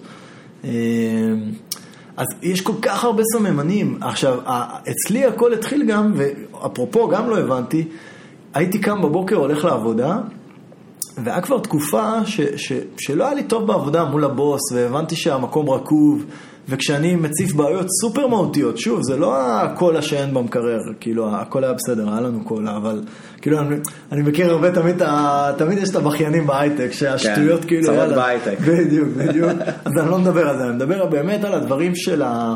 של ה velocity, של להוציא מוצר, לעבוד באיזה cadence כזה, כאילו לעלות על איזה קצב כזה, על דרך המלך, אז בדברים האלו שתמיד הייתי בא ליזום ו- ו- ולהגיד שגם יש בעיה וגם כאילו אותך. זה, אז אתה יודע, זה, כמו, ש... זה גם כמו ספרטה, כאילו אתה messenger אז נהרוג גם אותך, כאילו מה אתה בא לספר לי שחרא? עכשיו, אז תפתור, אם אתה יודע שחרא, תפתור, זה בדיוק העבודה של מנהל טוב, ואין תירוצים, מנהל טוב צריך לפתור את החרא, וגם כתבתי את זה בפוסטים שלי. מנהל טוב, אם הוא מטאטא בעיה, אז, אז הוא חרא מנהל, ואם מנהל טוב לא פיטר הוא לא מנהל טוב, אבל הוא לא פיטר עובד שכולם יודעים בצוות שהוא גרוע, אז גם הוא מנהל חרא. אז כאילו הריקבון בסל של התפוחים הוא עובר מהר, מהר מאוד, ו, ובגלל זה צריך להשגיח על כל הדברים האלו. ו, וחזרה כאילו למה שזה עשה לי, אז, אז ראיתי שהארגון כל כך רקוב מכל מיני סיבות, והיה תקופה שהייתי קם בבוקר, מרגיש אחלה, מגיע למשרד, פתאום תחושה של לחץ בגרון, יו. כאילו חנק. כאילו הגוף צועק לך... הגוף צועק, וגם את זה לא הבנתי, ואני מתקשר לאימא שלי, ואימא שלי חצי רוחניקית כזאתי, ואני אומר לה, אימא, תקשיבי, יש לי איזו תחושת חנק מוזרה בגרון. אז היא עושה איתי כזה, יש לך משהו שאתה לא אומר אה, למישהו. אני אומר לה, אמא, את חינכת אותי, ברוך, ברוך השם, פה, אני מספר לכולם רק מה שיש לי, וזה רק צורות עושה לי, כאילו עם הבוס וזה. אז היא אומרת לי, אולי לבוס שלך לא אמרת משהו, אמרתי לו, או, הוא יודע כל מה שאני חושב עליו, זה אולי... בקיצר, לא, היא, כאילו ניסתה, אבל זה לא היה זה, ואחרי חצי שנה שהיה לי את, הסממן הזה, אז, אז, אז הפנים התפוצצו. זאת אומרת, היה לי משהו... סחבת את זה הרבה. סחבתי את זה הרבה. האמת, סחבתי את זה, חצי שנה אחרי שהגעתי לארגון כבר הבנתי שהוא, שהוא רקוב, כאילו, שכל כך הרבה דברים שם, ההחלטות לא טובות, ואיך שעובדים עובדים בצורה עקומה ולא יעילה וזה, זה חירפן אותי, ו, ו, ובמשך עוד שנה וחצי סחבתי את זה, כשהחצי שנה האחרונה, היא, היה לי את, ה, את הסנסור בגוף שאומר לי, תקשיב, דרך הגרון, תקשיב, משהו פה לא טוב. פסיך. לא ידעתי מה לעשות עם זה, לא ידעתי מה לעשות עם זה, ואני אחד שמדבר, כמו שאני מדבר פה בפתיחות, דיברתי על זה עם חברים, אף אחד לא יודע כאילו מה, מה זה אומר. חבל שלא דיברנו זה. והיום, היום אני יודע שכל סממן, ובגלל זה אני מדבר על זה בצורה כזאת, ש, שאני מקווה שהמאזינים אה, ישמעו מחברים וזה, ו, ולעצמם, וידעו לעזור, אבל כל סממן שיש לנו כאבים כרוניים בגוף, גם אם הם כאילו לא כאבים אה, אורגניים, זאת אומרת, לא כי שברתי את היד כואב לי, אלא כזה באופן מנטלי איכשהו הכאב מופיע, זה אומר שיש איזה סטרס או איזושהי מצוקה, ויש אנשים, יש מטפלים ספציפית שיודעים אה, לטפל בזה. וחשוב חשוב להתייחס לזה ול, ו, וחשוב, חשוב, בזה. חשוב, והכי חשוב, זה, זה לא רק להתייחס, זה לדעת שאתה צריך לעשות שינוי מהותי לפעמים, ולא לפחד לעשות אותו. זה, זה הבעיה. אנשים אומרים, אה, יהיה בסדר. לא, לא יהיה בסדר. הגוף שלך כבר צועק לך, והנקודה ש, שהפנים שלי התפוצצו, זה הנקודה ש... ששוב, אני אפילו לא הבנתי, כן, היה לי כל כך הרבה סממנים ולא הבנתי, והגוף כבר אמר יאללה, חלאס, חביבי, כאילו, החלטנו בשבילך, אם אתה לא פה להחליט, אז, אז יאללה, החלטנו, ו, ולפחות למחרת הייתי מספיק חכם כדי לבוא ולהגיד, אוקיי, הבנתי ש... שזה לא יכול להמשיך ככה. וכשהודעת על העזיבה שלך לבוס, היה מהלך כזה של... לנסות לגרום לך להישאר, או לפחות להבין מאיזה מקום זה בא, או זה היה לא, כזה... לא, אני ישר אמרתי שזה על רקע בריאותי. לא סיפרתי לעובדים דאז, אבל, אבל כן להנהלה סיפרתי, ונראה לי הבוס שלי עשה חגיגה, מה, כאילו... היה לו קשה איתך. אה, אני בטוח, תראה, היה קשה, זה, זה מצחיק, כי... כי שוב, אני שואף לאיזו מצוינות ש, שהיא לפעמים מפריעה לאנשים מסוימים בתוכניות שלהם. למרות שאנחנו aligned על המטרה, אבל הוא יש לו את השיטות שלו, מה אתה עכשיו אה, כן. מציק לי, כאילו? כן. אז לא, כן, זה כן, מובן לגמרי שאתה... קשה, כן, כן, היה לו קשה. אה, יש ש... לך חשש, תראה, אתה בכל זאת היום מנכ"ל וגייסת לא מעט כסף ויש עליך אחריות. יש לך איזשהו חשש שדבר כזה יכול לקרות שוב? אז א', א', עכשיו הצופים לא רואים, אני שנייה אסתובב. אז, okay. אוקיי. אז מה שהראיתי לעודד זה שיש לי איזה חור בשיער, שזה לא כי... אה, זה לא כי, כי יש לי פצע באמצע השיער מאחורה, זה פשוט פתאום, לא יודע, בגודל אה, מטבע חמש שקל נשר לי? השיער, לפני כמה חודשים, ועדיין, אה, זה גם קרה לי באקזיט פעם שעברה, במקום אחר. דווקא. דווקא במכירה? דווקא במכירה, שתדע לך, המכירה זה הדבר הכי מורט עצבים בעולם. כאילו דווקא המכירה זה, זה הכי קשה, ושם זה הכי מתבקש שזה יקרה. ואז זה נסגר, אז זה מתישהו גם ייסגר. והאמת זה קצת הפחיד אותי. יש לך רעיון מה קרה לפני כמה חודשים שגרם ל... לא, גם תמיד, תמיד יש... אה, אני לא יודע בדיוק מה היה, כן, זה אולי קשור לסבב גיוס הקודם, שכבר עבר איזה תשעה חודשים. אני, אני לא יודע, זה כבר תקופה... היום אתה תקופה רואה, אצלי. אתה, אם, אם אפשר לשאול כמובן, אתה לא חייב אה, לענות על זה, אבל אתה, אתה היום אה, רואה פסיכולוג באופן קבוע, או, או מתייחס, אה, הפוך, נותן, אני- נותן אני- איזשהו מקום להתייחסות למתח הנפשי שכרוך בלהיות מנכ"ל? אז, אז אני, זה, זה לא אם זאת שאלה תקינה או לא, זו שאלה שחייבים לשאול כל מנכ"ל בעיניי. ו, ו, כי לא שואלים את זה בדרך כלל. בסדר, ואני חושב שכל בורד של, של מנכ"ל צריכים להכריח את כל היזמים להיות תחת... להכריח. אה, להכריח, להיות תחת, אה, אני רוצה להגיד פיקוח, אבל לא פיקוח, אבל כן, ליווי. להיות, להיות עם המ- ליווי. המילה הנכונה זה ליווי. עם פסיכולוג. לדעתי. ואני לגמרי רואה, אני, האמת אני רואה כל כך הרבה אנשים שעוזרים לי, מ... כי, כי הבנתי ש... שאני צריך את זה, ו... וצריך לטפל בעצמנו בכל מיני דברים, וגם אם זה עם פסיכולוגית או, או סתם, אני עושה רפלקסולוגיה, שאפשר להתווכח אם זה חרטא או לא, אבל אני בסוף אמרתי לבחורה הזאת, אמרתי לה, תקשיבי, את יודעת מה? האינטנסיטי במשך היום והלילה, שאני כל הזמן חושב עבודה ומתעסק ועולה לשיחות באמצע הלילה וזה, פתאום אני בא אלייך לאיזה שעה בשבוע פה, ו- ויש לי אי שקט של שלווה כזה, כאילו אי, אי של שקט. כן. אה, של, של מקום עם שלווה, וזה פרייסלס. ובין עכשיו אם הטיפול שלו עובד או לא, לא יודע, אבל, אבל זה שאני מקבל את זה דרך הדבר הזה, אז זה, זה שווה כל כך הרבה. אז אני אומר, ה- הליווי הפסיכולוגי, כן, אה, לאחרונה היה לי סתם כאבים בבטן, שהם כנראה גם פסיכולוגיים, וזה משהו חדש שלא היה לי בשנים הקודמות, אז אני גם יודע, גם הצ- הצלחתי לאפיין שאני מתמודד עם לחץ מסוג חדש. זאת אומרת, בנורביט הלחץ היה סוג של אה, קיומי כזה מהיד לפה, כי אנחנו חברת פרויקטים שחיה על קשפלו, ועכשיו הלחץ הוא כזה אסטרטגי של אוקיי, נשאר לך איקס שנים אה, לחיות עם הכסף, ו- ואתה כל פעם צריך לעשות ריפיל כזה, נכון? לה- להביא את הגיוס הבא עם יותר כסף, ואם אתה לא עושה את זה אז אתה בבעיה. אז הבנתי שהלחץ הזה איכשהו אצלי בגוף מקרין על, על הבטן, עושה לי קצת כאבי בטן, ו, וכשאני מדבר על זה איתה ומאפיין את זה, זה, זה פתאום לאט לאט, כאילו, אתה, אתה מבין את הגוף שלך, אתה, אתה מדבר עם האזור הזה, עם הכאב הזה, ו, והוא מתפוגג והוא נעלם. אה, והליווי הזה עוזר לי לשמור על עצמי בריא. כאילו, אם אני לא אעשה את זה, ברור לי שאני לא אהיה בריא, כי... תשמע, זה לא משנה אם היום זה 20 עובדים, מחר זה 200, לאחד אחר זה חמישה אנשים, כל, כל אחד עם, ה, עם, ה, עם הנפש שלו ועם המנטליות שלו ו, ועם הכוחות הנפשיים שיש לו. ו, ובסוף כולם פוגשים את זה, ואני מדבר עם מלא יזמים גם סופר מוצלחים, פי מאה ממני, וכולם חווים את זה בצורה כזו או. אחרת, פשוט אף אחד לא מדבר על זה. ו- ולפעמים זה גם נגמר ב- בסכנה של התקף לב, או בסדר, שאפשר להציל אנשים, אבל, אבל למה להגיע לשם? אנחנו גם שומעים מלא הייטקיסטים שמתו מהתקף לב וגם לא הצליחו להציל אותם. אז, אז זה כאילו ה-worst uh, scenario שלי, שאני מקווה שעם הליווי הזה אני, אני שומר על חיים שפויים ובריאים, ואני לא מדבר גם... אנשים חושבים, כן, אני עושה יוגה, אני אוכל בריא, זה, זה לא מספיק. כאילו, צריך, צריך לטפל במחשבות שלנו. ה-quality of mind שלנו זה, זה משהו ש...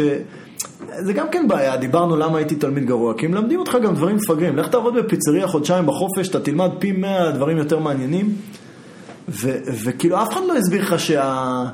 אתה פותח עיתון, קורא חרא, אז במוח שלך עכשיו רץ חרא. כאילו, כל כך קל להשפיע עלינו, וגם העיתונות יודעת את זה, היא מנצלת את זה נגדנו.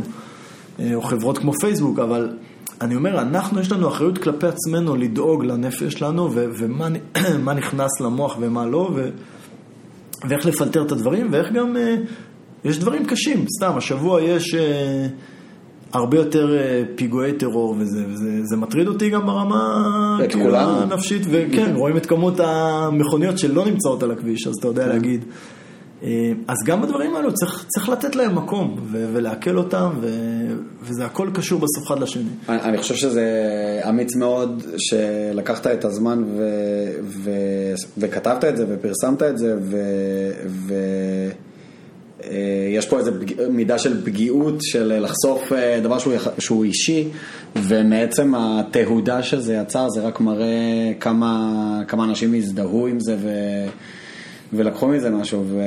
וגם אני, להבדיל אלפי הבדלות, כן, אני בשיא הייתי אחראי על אה, משכורות של שבעה או שמונה אנשים, אפשר להגיד שזה הרבה, אפשר להגיד שזה קצת, זה בטח קצת ביחס לחברות סטארט-אפ אה, מסורתיות שיש בארץ, אבל, אבל אתה אבל יש לזה. הקמת חברה בקשלו, זה, זה כן, הרבה מאוד. זו חברה שמתקיימת מתזרים כן, מזומנים, בדיוק, וכשאתה בדיוק. כל יום הולך לישון, כשאתה יודע ש... שיש אה, משכורות להביא, וכל חודש מתחיל ב... לא משנה כמה מאות אלפי שקלים שזה יוצא אה, כדי לעמוד רק, רק בהוצאות הקבועות. אז אה, יש לזה טול, אה, ולפעמים אני, בדיעבד אני גם, היה לי תקופה שאני כן הרגשתי שאני רוצה לדבר עם מישהו, כי אתה באמת מרגיש גם לבד, אתה לא יכול לדבר על זה עם העובדים שלך, להגיד להם אה, שומעים, אני די אה, בלחץ, אני לא יודע מה יקרה חודש הבא. אה,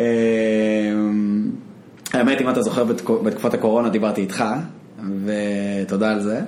וגם עם עוד כמה אנשים, גם, גם כדי להבין מה עשית, איך להתנהל, זאת אומרת, מבחינה פרקטית, וכן, גם uh, לעזור לסדר את המחשבות בראש ולהבין מה קורה, אבל כן, אני, אני, אני אפילו, אז אני חושב שלא הלכתי, כי אני חשבתי שפסיכולוג זה משהו שאתה יותר... אה, הולך אליו מבחינה רוחבית של, אה, של מציק לי משהו כאילו אמרתי, איזה, מה הפסיכולוג עכשיו יבין, אני צריך, אמרתי, אם הייתי שומע שיש פסיכולוג שעובד עם מנכ"לים, או שיבין את העולם של, של מישהו שיש לו בעיה ספציפית בתחום של הנזק, אני, אני אסכים לדבר איתו, אבל לא בא לי לדבר עם מישהו עכשיו שאני רק אצטרך איזה עשר פגישות להסביר לו את הסיטואציה שבכלל של... כי זה לא מקרה קלאסי, כן? זה לא שחס וחלילה היה לי איזה אישו אחר. אבל הפוך, הקלאסי זה שכולנו... כאילו בוא נסתכל איך המוח האנושי יודע לעבוד. עד לפני 200 שנה לא היה ארגונים מדומיינים של חברות מעצמות על וסטארט-אפים. ספר של אה, יובל נוח הררי סקר את זה יפה מאוד. יפה, כן. וכל מיני כוחות, כאילו כוחות עוצמתיים מדומיינים במוח שלנו, אבל שהם עושים עבודה יופי יופי. והאדם הקדמון, כאילו, בסדר, היה לו לחצים, אה, לא יודע, אולי הדבר הכי מפחיד זה שאריה רדף אחריו, לא יודע, אבל... שלא יהיה לו אוכל. נכון, לא, אבל אני אומר, כן. בסדר, זה כן, הוא כן, יצוד משהו, אבל הסכנה הקיומית, אז זה היה הסטרס שלו, המקור לסטרס, ואנחנו עם מקורות סטרס שעוד אין לנו אותם כאילו בגנטיקה שלנו, המוח שלנו עוד לא זה, ואם לא ניתן להם את הזמן לצאת החוצה, כל אחד בצורה ש, שעובדת לו, אז, אז אנחנו, כן, אנחנו כאילו לא נשרוד את זה. זה השחיקה הזאת שכולם מדברים עליה. ו, וכמות האנשים בתעשייה שהם ברנאוט, וזה לא רק גם יזמים, זה גם מלא עובדים שיש עליהם סטרס מטורף ולחץ, ו, ולא יודע אם זה האישה או הבעל והילדים והמשכנתה, ולא טוב להם בעבודה, אבל הם נשארים שם ואין להם כוח ללכת לעשות רעיונות. וכל כך הרבה דברים, ואנשים לא דואגים לעצמם. בכלל, כשאתה חושב על זה, זאת אומרת, בן אדם יוצא לעולם אה, אחרי צבא או משהו כזה, אלא אם כן הוא באופן אקטיבי ניסה לחפש כלים אה, שיעזרו לו להתמודד עם, ה, עם הדברים האלה שקורים ביום יום, של הלחץ ועומס נפשי ודברים כאלה, זה, הוא, הוא כאילו לבד ב, בעולם. נכון, אה, נכון. וזה, וזה, הדברים, וזה נושא חשוב. וזה הדברים שלא לימדו אותנו, גם הרבה אנשים אומרים כזה, מה, אני איך פסיכולוג, מה, מה זה אומר עליי? אני לקוי, אה, לוקה בנפשי? לא, אני היום, אני חושב שאני עדיין, עדיין רואה, עדיין, אז בדיוק, זה, זה אני, כבר אני, לא, אני, אני יותר אני איתך ואני עדיין רואה את זה, כן. כאילו, אתה יודע, יש את האמירה הזאת, זה חדר כושר אה, מנטלי, ואני לגמרי עם זה, אבל... ויש אנשים שעדיין מתקשים, וכל אחד, לך תדע, זה חלק מהמטענים בדיוק שפותרים עם הפסיכולוג. אבל מה, מה אתה חושב על מה שאמרתי? זה נכון שזה יותר, ל, ספציפית לבעיות האלה ש, שיש למנהלים בכירים או מנכ"לים, זה נכון לדבר עם פסיכולוג שמבין את העולם הזה, או, ש, או שהמחשבה שלי הזאת הייתה לא נכונה וכל פסיכולוג היה, היה יודע... אה, אני חושב לא הפוך, שהייתי נמנע באיזשהו מקום מלדבר עם איזה פסיכולוג אה, שרלטן כזה, אני הפסיכולוג לא, של לא, לא שרלטן, לא, מישהו בדיוק, שהוא, אז, צריך להבין, legit. צריך להבין, אבל, אבל צריך שזה יהיה מישהו שהוא פסיכולוג קליני, ש, שיודע את התהליכים, ו, וזה לאו דווקא קשור לזה שמישהו יבין אותך. כי הרבה אנשים כזה אומרים, כן, יש לי coach. ב coach הם מתגאים, אבל בפסיכולוג הם לא מתגאים, זה כאילו שלילי. אני עובד הפוך, אני גאה שיש לי פסיכולוג, אני מטפל בעצמי, אני... אני, אני יודע את כל הלחצים שיושבים עליי ואני פותר אותם, אני לא מתעלם מזה, כאילו... יש ארגונים שיש להם פסיכולוג in-house? יש דבר כזה? יש, יש, כן? יש דבר כזה, האמת שיאמר לזכות Magic Leap ישראל ספציפית, הבאנו פסיכולוג, פסיכולוג ארגוני אמנם, אבל הוא, הוא ישב עם כל ההנהלה ועזר לכולם, וזה, ו, וזה אחלה, אבל, אבל זה גם מאוד יקר, ו, ולא כל ארגון מבין, אם אין את המודעות, ש, שכדאי לעשות את זה. באיזשהו שלב אנחנו גם נביא לחברה כן. כל מיני פונקציות כאלו לגמרי, זה מדהים. קצת בביליונס, לא נכון? כאילו. אה, כן, הבחורה הזאת. כן, ונדי כזה. ראיתי את העונה הראשונה ולא שרדתי מעבר. כן, בסדר, לא, כאילו הקונספט זה סדרה חמודה, כן, כן. שיש משהו כזה. לגמרי, לגמרי, לגמרי. אה, רציתי לשאול אותך, איזה דברים אתה עושה היום בשביל להמשיך ללמוד ולהתפתח מקצועית תוך כדי עבודה? אה, בלוגים שאתה קורא, ספר- אתה קורא, ספר- אני יודע שאתה קורא הרבה ספרים. האמת זה... או שעכשיו כבר פחות? לא, לא, אני, אני קורא ספרים. אה, כמה זמן מהשבוע שלך הולך ל-personal או professional growth? כלומר, לא דברים של ה-day to day של החברה, אה, אה, אלא... סתם, אני, אני בכוונה אציג לך, כאילו פסיכולוגית זה פרסונל גרואות. כן. או, יפה, אתה מבין? אז זה משהו של, אני אגיד לך, זה הובי? כאילו, אתה יודע, יוצא עם בחורה לדייט, מה ההובי שלך? אה, אני רואה פסיכולוגיה, אתה יודע, זה, זה לא נתפס כזה, אבל אני מסכים איתך, בגלל זה... בגלל זה שאלתי איזה איזה דברים אתה נכון, עושה, נכון. ומה ה- אתה מסתכל כש- כ-personal growth. לגמרי, ו... ואני חושב שבשנים האחרונות היסטוריה התחילה מאוד לעניין אותי, ו... וגם בארץ יש לנו אין סוף היסטוריה וארכיאולוגיה וזה, אז ממש כיף. בשנתיים שלא עבדתי, לפני שהקמתי את פיאנו, אז עשיתי, זה הכי, היציאה הכי חננה שלי ever. אה, התכנות זה לא חננה, זה מגניב היום, נכון? אבל מה שאני הולך להגיד זה חננה. אז אולי עוד כמה שנים זה גם יהיה מגניב. בדיוק, אז עשיתי רשימה של כל המוזיאונים בארץ, כי תמיד בחו"ל אני הולך למוזיאונים, בארץ אף פעם לא הייתי ב- במוזיאון. אני אפילו לא יודע כמה מוזיאונים יש בארץ. יש לנו מלא, כי יש נישתיים כאלה, קטנים. ויש, נכון, ויש מלא בתל אביב גם שהם סביב כל ההקמה של ארץ ישראל, ההגנה, האצ"ל, הלח"י, כל מיני כאלו.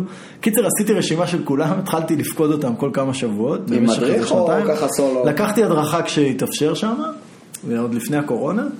ו- ופתאום אתה מגלה כאילו מלא דברים, כל השמות רחובות וזה, אתה אומר בואנה ההוא היה ככה, ההוא ככה, ההוא חצי מהמדינה הוא בנה.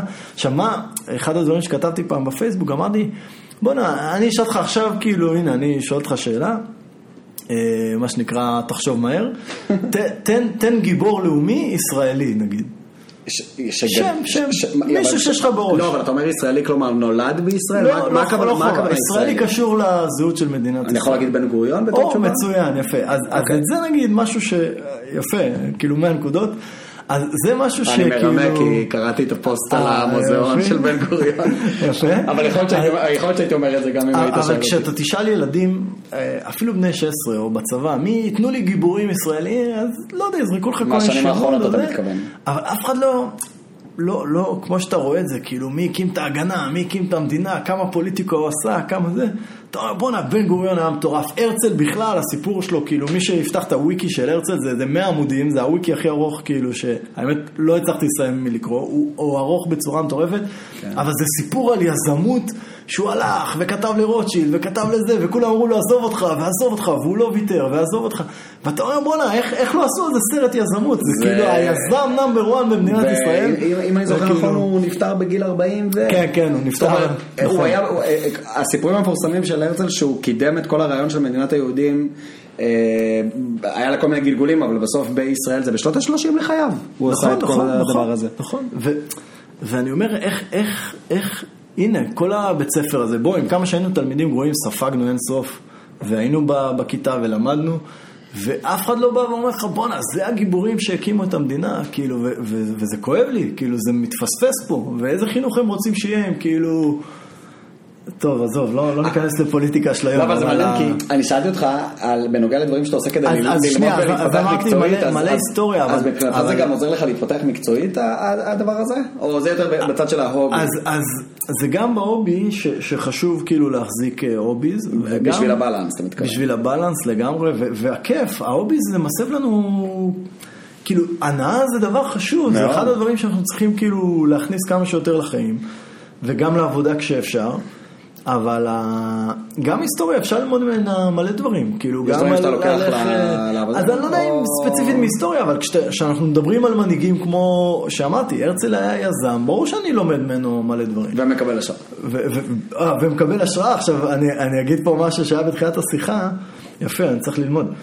אה, אה, אחת, אתם יודעים איך זה בפודקאסטים, יש כל מיני שאלות וזה, למרות שאני מודה שאנחנו הכי לא לפי הפורמט. אני חייב להגיד שגיל בתור מרואיין זה קשה לשמור אותו על- אותו קו, אבל בסדר, נכון. זה- הולך לכיוונים מעניינים אז אני משתדל לא לקטוע אותך. אז, אז אחת השאלות, שעודד רצה לשאול זה מי, ממי אני לוקח אה, השראה, ועודד תקשיב, אני לא בן אדם שחושב במושגים האלו, אבל הנה, פיצחנו את זה, אז עכשיו אני אדע, פעם הבאה שישאלו אותי, בום, הרצל, בן גוריון, זה האנשים. עכשיו, אמרתי, זה, זה חננה, אבל אז, אז סתם, זה אחד ההוביז שעשיתי. הוביז יותר מקצועיים לגמרי לקרוא ספרים מקצועיים, כאילו ספרות של ניהול. לא סתם, לא סתם ישבתי וכתבתי בלוגים, גם הרבה שאלו אותי, תגיד, מאיפה יש לך את האומץ בכלל לכתוב? ואני אומר להם, למה צריך אומץ? עכשיו, אתה יודע, באו אליי, אתה אמרת בעצמך, הפוסט הזה על, ה, על הפגיעות הזאת, היא- קיבלתי אינסוף תגובות בפרטי והודעות וטלפונים וזה, ו... וכאילו אנשים אומרים לי, מה, איך היה לך את האומץ לכתוב על זה? ואני אומר להם, למה אומץ? אני שיתפתי בעיה שאנשים ידעו שהם יכולים לפתור אותה גם.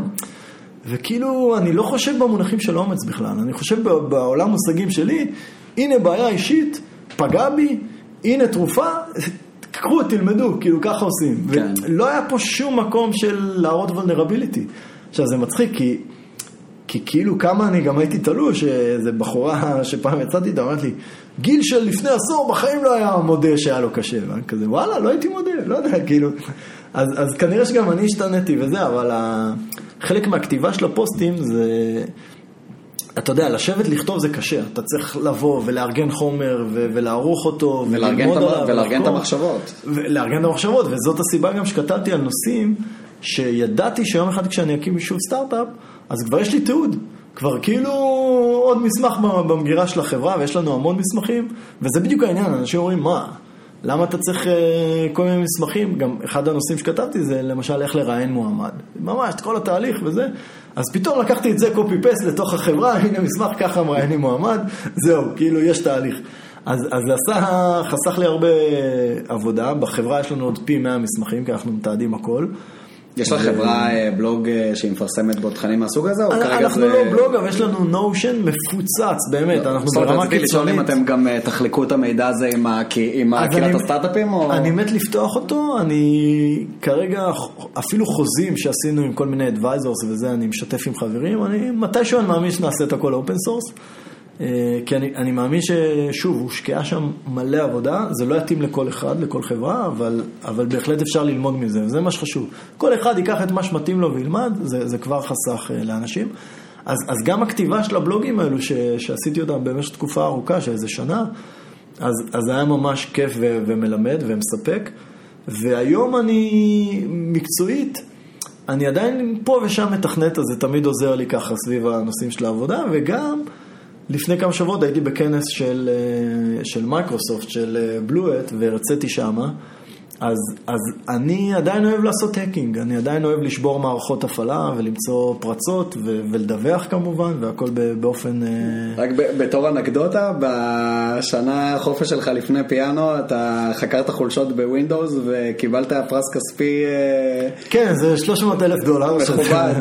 לגמרי מכובד. אני לא. מכיר הרבה אנשים שיושבים בבית בזמן הפנוי שלהם ומוצאים חולשות ששוות 300 אלף דולר עזוב, ב Windows. ש- שיש להם hobby שמכניס כאלו סכומים, כן, זה מצחיק. אה, בוא, גם צריך לנו לומר את האמת, כנראה שאני די טוב בזה. אה, שם שנייה את הצניעות בצד, אבל, אבל זה סכומים באמת שהם ברמה עולמית כאילו מטורפים. זה מרשים מאוד, זה... יש לך מיקום גבוה שם, לא? ב- אה, כן, כן. ב contributors של ה... לגמרי. ו, ו, וזה משהו שאני עדיין ממשיך לעשות, וכיף לי, ו, וגם לפני כמה, לפני איזה חודש גם מצאתי כמה באגים, כאילו באתי ל board member שלי, אמרתי לו, כן, זה מה זה, אתה משחק אה, Wordle או סודוקו, אני, אין לי video games, אני, אני מוצא באגים, הוא אומר לי, תשמע, אתה תופעה, צריך לעשות עם זה משהו, כאילו. אז, אה, אז זה סתם, זה משעשע, אבל אני נהנה מהאתגר, כאילו באמת, כמו שאנשים משחקים ב video games, אז אני כאילו... אתה עושה, אתה עושה נה- פרי, נה- פריצ, מה שנקרא, כמו שיש GTA וזה, אתה עושה, אתה עושה על. אמת. בדיוק, על קוד. ו... ושם, זה, זה, זה, אני מרגיש שזה משאיר אותי חד ואני נהנה ללמוד וזה, זה כאילו, זה באמת, זה, זה אתגר קשה. אה, אז, אז זה גם משהו כזה, ומה עוד מקצועי שאני יכול להגיד שאני עושה? אה, כאילו, שוב, גם, אתה יודע, אם זה ללכת לכנסים של יזמות, או אמרתי, אולי לא אמרתי, או בהתחלה, הבאנו 30 אנג'לים לפיאנו, 30 fucking angel, שזה מלא, אנשים אומרים לי, איך, איך אתה רק מנהל אותם וזה. אז, אז הבאתי אנשים עם, אה, אני אגיד כבר עכשיו, זה בסדר, אה, עם, עם אנשים עם זיקה כאילו לתחום, ואנשים ש... ש, שיש להם ניסיון מוכח ושאני יכול ללמוד מהם. אפרופו כל הזמן לדעת אם אתה עושה טעויות או לא, זה להתייעץ עם אנשים שיש להם ניסיון, שבינדר דנדט. ומבחינתי העצמה המקצועית זה, זה להיפגש עם האנג'לים על בסיס קבוע ו- ולהתייעץ איתם ולספר להם מה קורה בחברה ו- ו- ובתקווה שהם יצעקו עליי, זאת אומרת... יש כמה שמות מוכרים באנג'לים שאתה יכול להגיד או שאתה מעדיף שלא? לא, יש, יש, יש, כן, אני, אני אגיד את זה לפי שמות של חברות, כאילו יזמים נגיד של Snyk, של Armis, של Aqua, של Twistlock. אה, עינת גז, שאני סופר מעריך אותה מ Papaya Global, גם אה, בדקה ה-90. וואי, אני ממש אשמח לארח אותה בפודקאסט, אם יש סיכוי שתוכל לחבר בינינו. אני עוקב אחריה בטוויטר, היא מעלה תוכן מעולה. והיא באמת תותחית, והיא אחת הנשים והאנשים שאני, שאני מעריץ. היא נראית לי אישיות מדהימה, בגלל זה אני ממש כן, כן. רוצה להזמין אותה. והאנשים האלו בדיוק, זה, זה, הסשנים איתם זה, זה סוג של כאילו מדהים. התבגרות מקצועית, אתה יודע. כאילו... מדהים. עכשיו, מה שבאתי להגיד, הרבה אנשים, למה, למה פוליטיקות מתחילות באיזשהו מקום? כזה מחוסר ביטחון, ממלחמות על אה, קרדיטים, על מי יצמח, מי יגיע לתפקיד וזה, ואני אומר כאילו, אנשים מסוימים שיש להם את הביטחון, הם, הם כאילו... זה כמו היפנים של פעם, הוא כבר עושה חרקירי, הוא יודע שהוא דפק את זה, הוא כבר מתאבד, כאילו, אז בסדר, לא צריך להגיע היום לקיצונות הזאת, אבל, אבל האינטגריטי היפני הזה זה משהו שאני מעריץ, כאילו, ומעריך, של וואלה, לבוא מול הצוות שלך, להגיד, חבר'ה, טעיתי, בוא נשנה את ההחלטה, לא, לפעמים כן קורה משהו, לפעמים לא קורה, אבל... אבל לשים את זה על השולחן, ו, וגם לבוא ולהגיד לאנשים, אוקיי, בואו בוא תלמדו אותי, כאילו עשיתי טעות, תסבירו לי איך עושים יותר טוב. זה, זה סתם, זה מתבטא בזה שמתכנתים לא אוהבים שעושים להם קוד ריוויו. או מתחילים לריב איתך על כל שטות וזה, ואני אומר, למה? אם אתם כל כך טובים ואתם גאים בעבודה שלכם, תשמחו שימצאו לכם בעיות, כאילו כן, ככה תתקדמו. לגמרי. וזה עוד פעם חוזר לזה שרוב האנשים הם כאילו לא כאלו, הם כזה... עשיתי, עזובתי בשקט, אל תמצא לי באגים, אל, אל תטריד את מנוחתי, כאילו. כן. ועם זה קשה לי, אני, אני הבן אדם בדיוק ההפוך של, ברור שלהטריד את מנוחתך, בשביל מה אנחנו פה, אתה יודע, להקים עסק ולעבוד ולהצליח, כאילו זה, זה הכיף. יכולתי להמשיך לשבת בבית ולא לעבוד, זה לא היה לי כיף. אז, אה, אז כמה אומרים... זה מדהים, כי זה נראה שגם דרך, סיפור היזמות הזה שלך, אתה, מקבל על הדרך את ה... את הלמידה הכי גדולה, הסטארט-אפ, בדיוק. זה מדהים, אתה לוקח את זה בדיוק לכיוון הכי נכון שיש. נכון, זה הלמידה, ואני מקווה שהלמידה הזאת גם uh, תישא פירות כלכליים, כן, עבור המשקיעים שלי, וכיף לנו וללמוד, ובגלל זה תמיד... כמו, כמו שאני, אתה יודע, אה, בלינקדאין מתעד דברים, ו, וגם אה, פה בפודקאסט, וגם במקומות אחרים, שאני אומר, אני עושה את הכל לשם הלמידה. כן. כאילו, אני מדבר על זה שיש לי פסיכולוגית לשם הלמידה, אני חושב שזה כאילו משהו שהוא צריך להיות נורמלי, ואין לי איתו שום בעיה. גם תראה, ספציפית בנוגע למנטורים, אני חושב שאחת הסיבות העיקריות, אם לא הסיבה שהחלטתי לעשות את הפודקאסט הזה, זה כי אני אומר, איזה מתנה זאת, אני, בוא נגיד, אם אני אצליח לבנות את זה נכון, כל שבוע אני מזמין אורח כמוך. וכמו האורחים שכבר היו בעבר ויהיו בעתיד, ואני יכול שעתיים ללמוד, ובצורה אנוכית במרכאות לשאול את השאלות שהכי מעניינות אותי לדעת, ו, וללמוד דרך הסיפור הקריירה שלהם והשיעורים שהם למדו, וגם אולי אחרי זה לשמור איתם, איתך אני גם ככה בקשר, אבל עם אה, אורחים אחרים, גם ליצור איזשהו ריליישנשיפ, כי נגיד אתה דיברת על זה שיש לך את המנטורים האנג'לים, שזה מדהים.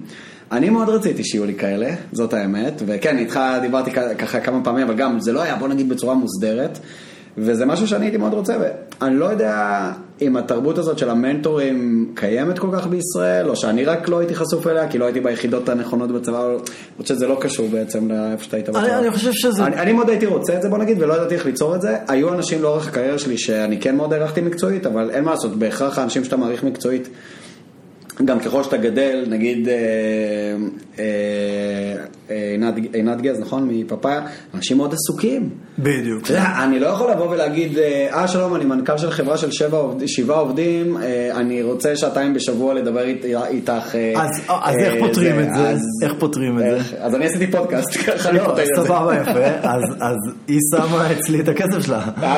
אז היא חייבת לתת לי את הזמן, כן. אתה מבין? זה, חלק מהמשחק, אבל ברור ברור שהיא ש... כבר לא נמצאת נראה לי במקום שהכסף הזה, שבתוך החברה שלך זה מה שישפיע על לא, על העתיד הכלכלי לא שלה, בוא נגיד. זה לא קשור לעתיד הכלכלי, זה קשור לאטנשן שהיא תיתן. כן. היא vested ולכן יהיה attention. וברור כן. שזה לא יהיה שעה בשבוע, אני גם לא אדרוש ממנה בחיים, כן, אבל... אפילו שעה בחודש, כאילו, אני, אני תמיד רציתי ש... ש... אני מאוד רציתי אנשים להתייעץ איתם, ולא הצלחתי ליצור את, הכוורת קשה, הזאת. זה קשה, זה קשה, גם עם כל האנג'לים שיש לי, אני לא, אני לא יושב עליהם באופן תדיר, זה יותר משהו תקופתי, כי ברור לי, כן. בסוף כולם מנכ"לים, כולם יזמים, כולם עסוקים, ולכן אתה בכל איזה קייס צריך לדעת כאילו למי מהם אה, לפנות ולהתייעץ, ואנחנו גם עושים כזה, כזה גלגל, כל פעם מגרילים מישהו, אומרים יש 30, יאללה ניפול על מישהו, נקשקש איתו, נשמע מה יש לו להגיד, תמיד יש דברים מעניינים. מדהים. ו- וככה לומדים, ככה מתקדמים. ועם כל זה תמיד יהיה קשה ו- ותמיד יהיה מלחיץ, וזה חלק מה- מהכיף של המסע הזה, כאילו זה האתגר הזה, כאילו זה ה... יש אנשים, אני תמיד אומר, הם, הם נולדו מזוכיסטים, הם אוהבים אתגר. יש אחד שאומר אל תזיזו לי את הגבינה, כן. יש טעות, אבל בסדר, בגלל זה אנחנו יזמים כנראה. כאילו, איך זה מבחינתך אה, נראית הצלחה עבור פיאנו? איך נראית הצלחה עבור פיאנו? אני קודם כל רוצה למכור את המוצר בעשרות עשרות מיליונים ב- בשנה. להגיע אה, למכירות של עשרות ל- מיליוני דולרים. למכירות, כי אני רואה כל מיני יזמים כזה, קקמייקה, שמכרו חברות וזה, ואז אתה אומר, כמה מכירות? שלוש מיליון, ארבע מיליון. אני כזה, אוקיי, אז כאילו זה נחמד, כן, הלוואי עליי, אני עוד לא שמה, כן, אז אני אומר פה באופן פומבי, אנחנו מוכרים היום אפס אה, מיליון דולר, עוד אין לנו מוצר, אבל השאיפה שלי לגמרי. לפי היא- התוכנית- לפי התוכניות של החברה, זה- אה, אני בטוח שיש לכם איזשהו trajectory קדימה, זה אמור לקרות באיזה שנה? אה, סדר גודל כמובן, לא... תוך, כמה שנים, כן, זה, אני כן. מדבר על סכום רציני, אבל המטרה שלי מהחברה הזאת זה, זה באמת לראות ש, שפתרתי בעיה בעולם, ויש הרבה חברות שמוכנות לשלם הרבה כסף על הפתרון הזה. ו- וזה יהיה היום שאני הכי גאה, שאני אגיד כאילו בואנה איזה milestone, זה, זה יזם, היום אני יכול לקרוא לעצמי יזם. שוב, זה יזם של סטארט-אפ, יש מלא סוגים של יזמויות. אבל, אבל זה עבורי במהות, זה לא לעשות את האקזיט את העוד כמה מיליונים, זה להגיד בואנה, פתרתי בעיה בעולם שאנשים מוכנים לשלם עליה כסף, זה insane, זה מחשבה מטורפת. זה כאילו. מטורף. האמת, זה מצחיק, אנחנו בפודקאסט, אה, בפרק עכשיו אנחנו אה, באמת אה, ככה היה אה, הרבה קפיצות ממקום למקום, אבל היינו צריכים באיזושהי נקודה רגע להגיד מה פיאנו עושה. מה זה משנה, העיקר שנעשה ארגזים, סתם. אה, מה פיאנו עושה. הייתי מציע האמת שתיתן את הפעם אחת שתי דקות למתכנתים ששומעים, כי יש מתכנתים ששומעים, אבל כזה שזה יהיה שתי דקות שיוכלו ככה להבין בשפה שלהם, ושתי דקות לאנשים שלא מתכנתים. אולי כן, נתחיל מלהסביר את זה אה, ללא מתכנתים, ואז נעשה צעד אחד. אני אסביר מה לא מתכנתים. השבוע שאלו אותי, איך היית מסביר לילד בן שמונה מה, אתם עושים? אז, כאילו האמירה היא שלאימא יש מלא תכשיטים בבית, והתכשיטים הם י- י- יקרי ערך, ותכשיטים זה לא משהו שאתה זורק כזה על, ה- על השולחן, זורק בכל מיני מקומות, כי אז הם נאבדים ו- ו- וזה כואב. תכשיט זה בדרך כלל משהו שאתה שם בקופסה, בכספת, במקום מאוד יהודי. עכשיו, גם הטלוויזיה בבית היא מאוד יקרה, או הפלייסטיין 5 של הילד גם מאוד יקר, אבל ב, ב, כאילו, בניהול סיכונים, א', טלוויזיה לא נכנס לכספת, נכון? זה, זה מצחיק אותי שאני אומר את זה, זה obvious. אז בגלל זה הכספת היא מותאמת לדברים מסוימים, לדברים קטנים, גודל מסוים, שקל שהם ילכו לאיבוד. אה, יותר קל שיגנבו אותם ודברים כאלו. אז, אז באותה אנלוגיה באיזשהו מקום, מה שאנחנו מנסים לפתור זה בעיית פרייבסי שיש המון מידע של לקוחות, זאת אומרת כל חברה, B2C למשל, יש לה המון מידע של הלקוחות שלה, וכחלק מהמידע הזה יש אה, פרטי מידע מסוגים שונים, למשל השם המלא שלך, או תעודת זהות שלך, או הטלפון שלך, או האימייל שלך, אז הם מזהים שהם חד-חד ערכיים אליך. זאת אומרת שבבת אחת אני יודע להקיש מהם מי אתה, אוקיי? ולכן אם היה פריצה, כמו שקרה נגיד בשירביט או באטרף, והמידע שלך היה באחת הטבלאות שם, אז בשנייה יודעים, אה, עודד ביטח את הבית שלו, הבית שלו שווה ככה, הרכב שלו שווה ככה, יודעים עליך כל מיני פרטים, ש... עזוב כמה שילמת, יודעים עכשיו מה גודל הנכס, איזה, איזה דברים יש לך בבית, כל מיני דברים כאלו. אז מה שאנחנו באים ואומרים, קחו את, ה, את הפרטי קשר הישירים האלו, את המזהים הישירים האלו, ואותם תכניסו לכספת דיגיטלית. עכשיו, העולם עוד לא הפנים שכאילו, ש, שהמידע הזה הוא כל כך רגיש, שעכשיו יש, אה, אתה יודע, רגולציות אה, פרטיות כמו GDPR או CCPA אה, באירופה או בארצות הברית, כל מיני גופים שאומרים, אוקיי, אם ממשיכים לגנוב לכם מידע של הלקוחות, בסוף כולנו זה הלקוחות, זה אתה, זה אני, זה המאזינים, כולנו משתמשים באפליקציות דיגיטליות, המידע שלנו שם והוא חשוף והוא כל הזמן נגנב, גם מפייסבוק הוא נגנב וגם מלינקדאין וממלא חברות עם אינסוף כסף, והמטרה היא לעזור להרים את, ה, את, ה, את הרף. של בא עכשיו אה, סתם צוות אה, רוסי שרוצה להתקיף את האמריקאים בסייבר, זה באמת קורה, ולעזור למתכנתים להרים את הרף של כל התשתיות שלהם. עד היום כל המידע הרגיש הזה של כל הלקוחות שהם אוספים, הוא זרוק במלא דאטאבייסים, ו database, בהגדרה המטרה שלו הוא להנגיש את המידע. ובעצם אנחנו רוצים לבנות כספת שבמטרה היא אומרת, אני אנגיש את המידע ואני אעשה לכם חיים קשים רצח, כדי לוודא שזה לא איזה גנב פה בא לשתות לי את כל הטבלה ולהדליף אותה ולמכור אותה או לא יודע מה.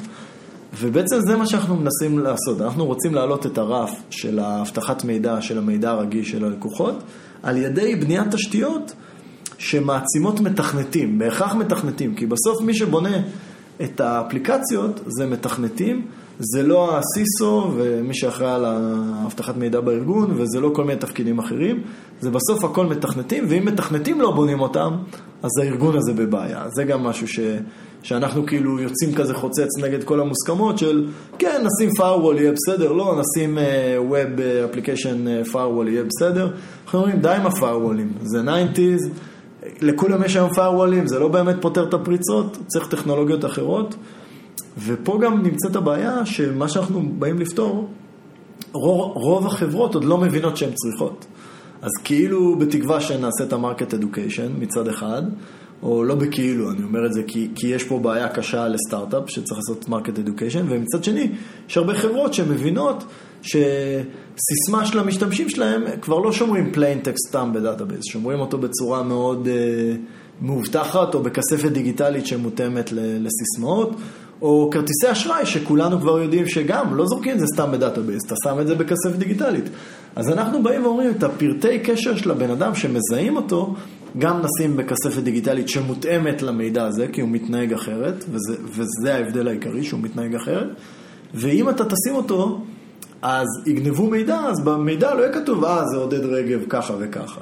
ולכן גם החברה לא תקבל את הקנס, ולכן במקום להגן על כל המידע בארגון, משהו שהוא משימה בלתי אפשרית בהגדרה, אנחנו אומרים, עזבו, תגנו רק על, על הפרטי קשר האלו, זה יעשה לכם את המקסימום כאילו return on investment.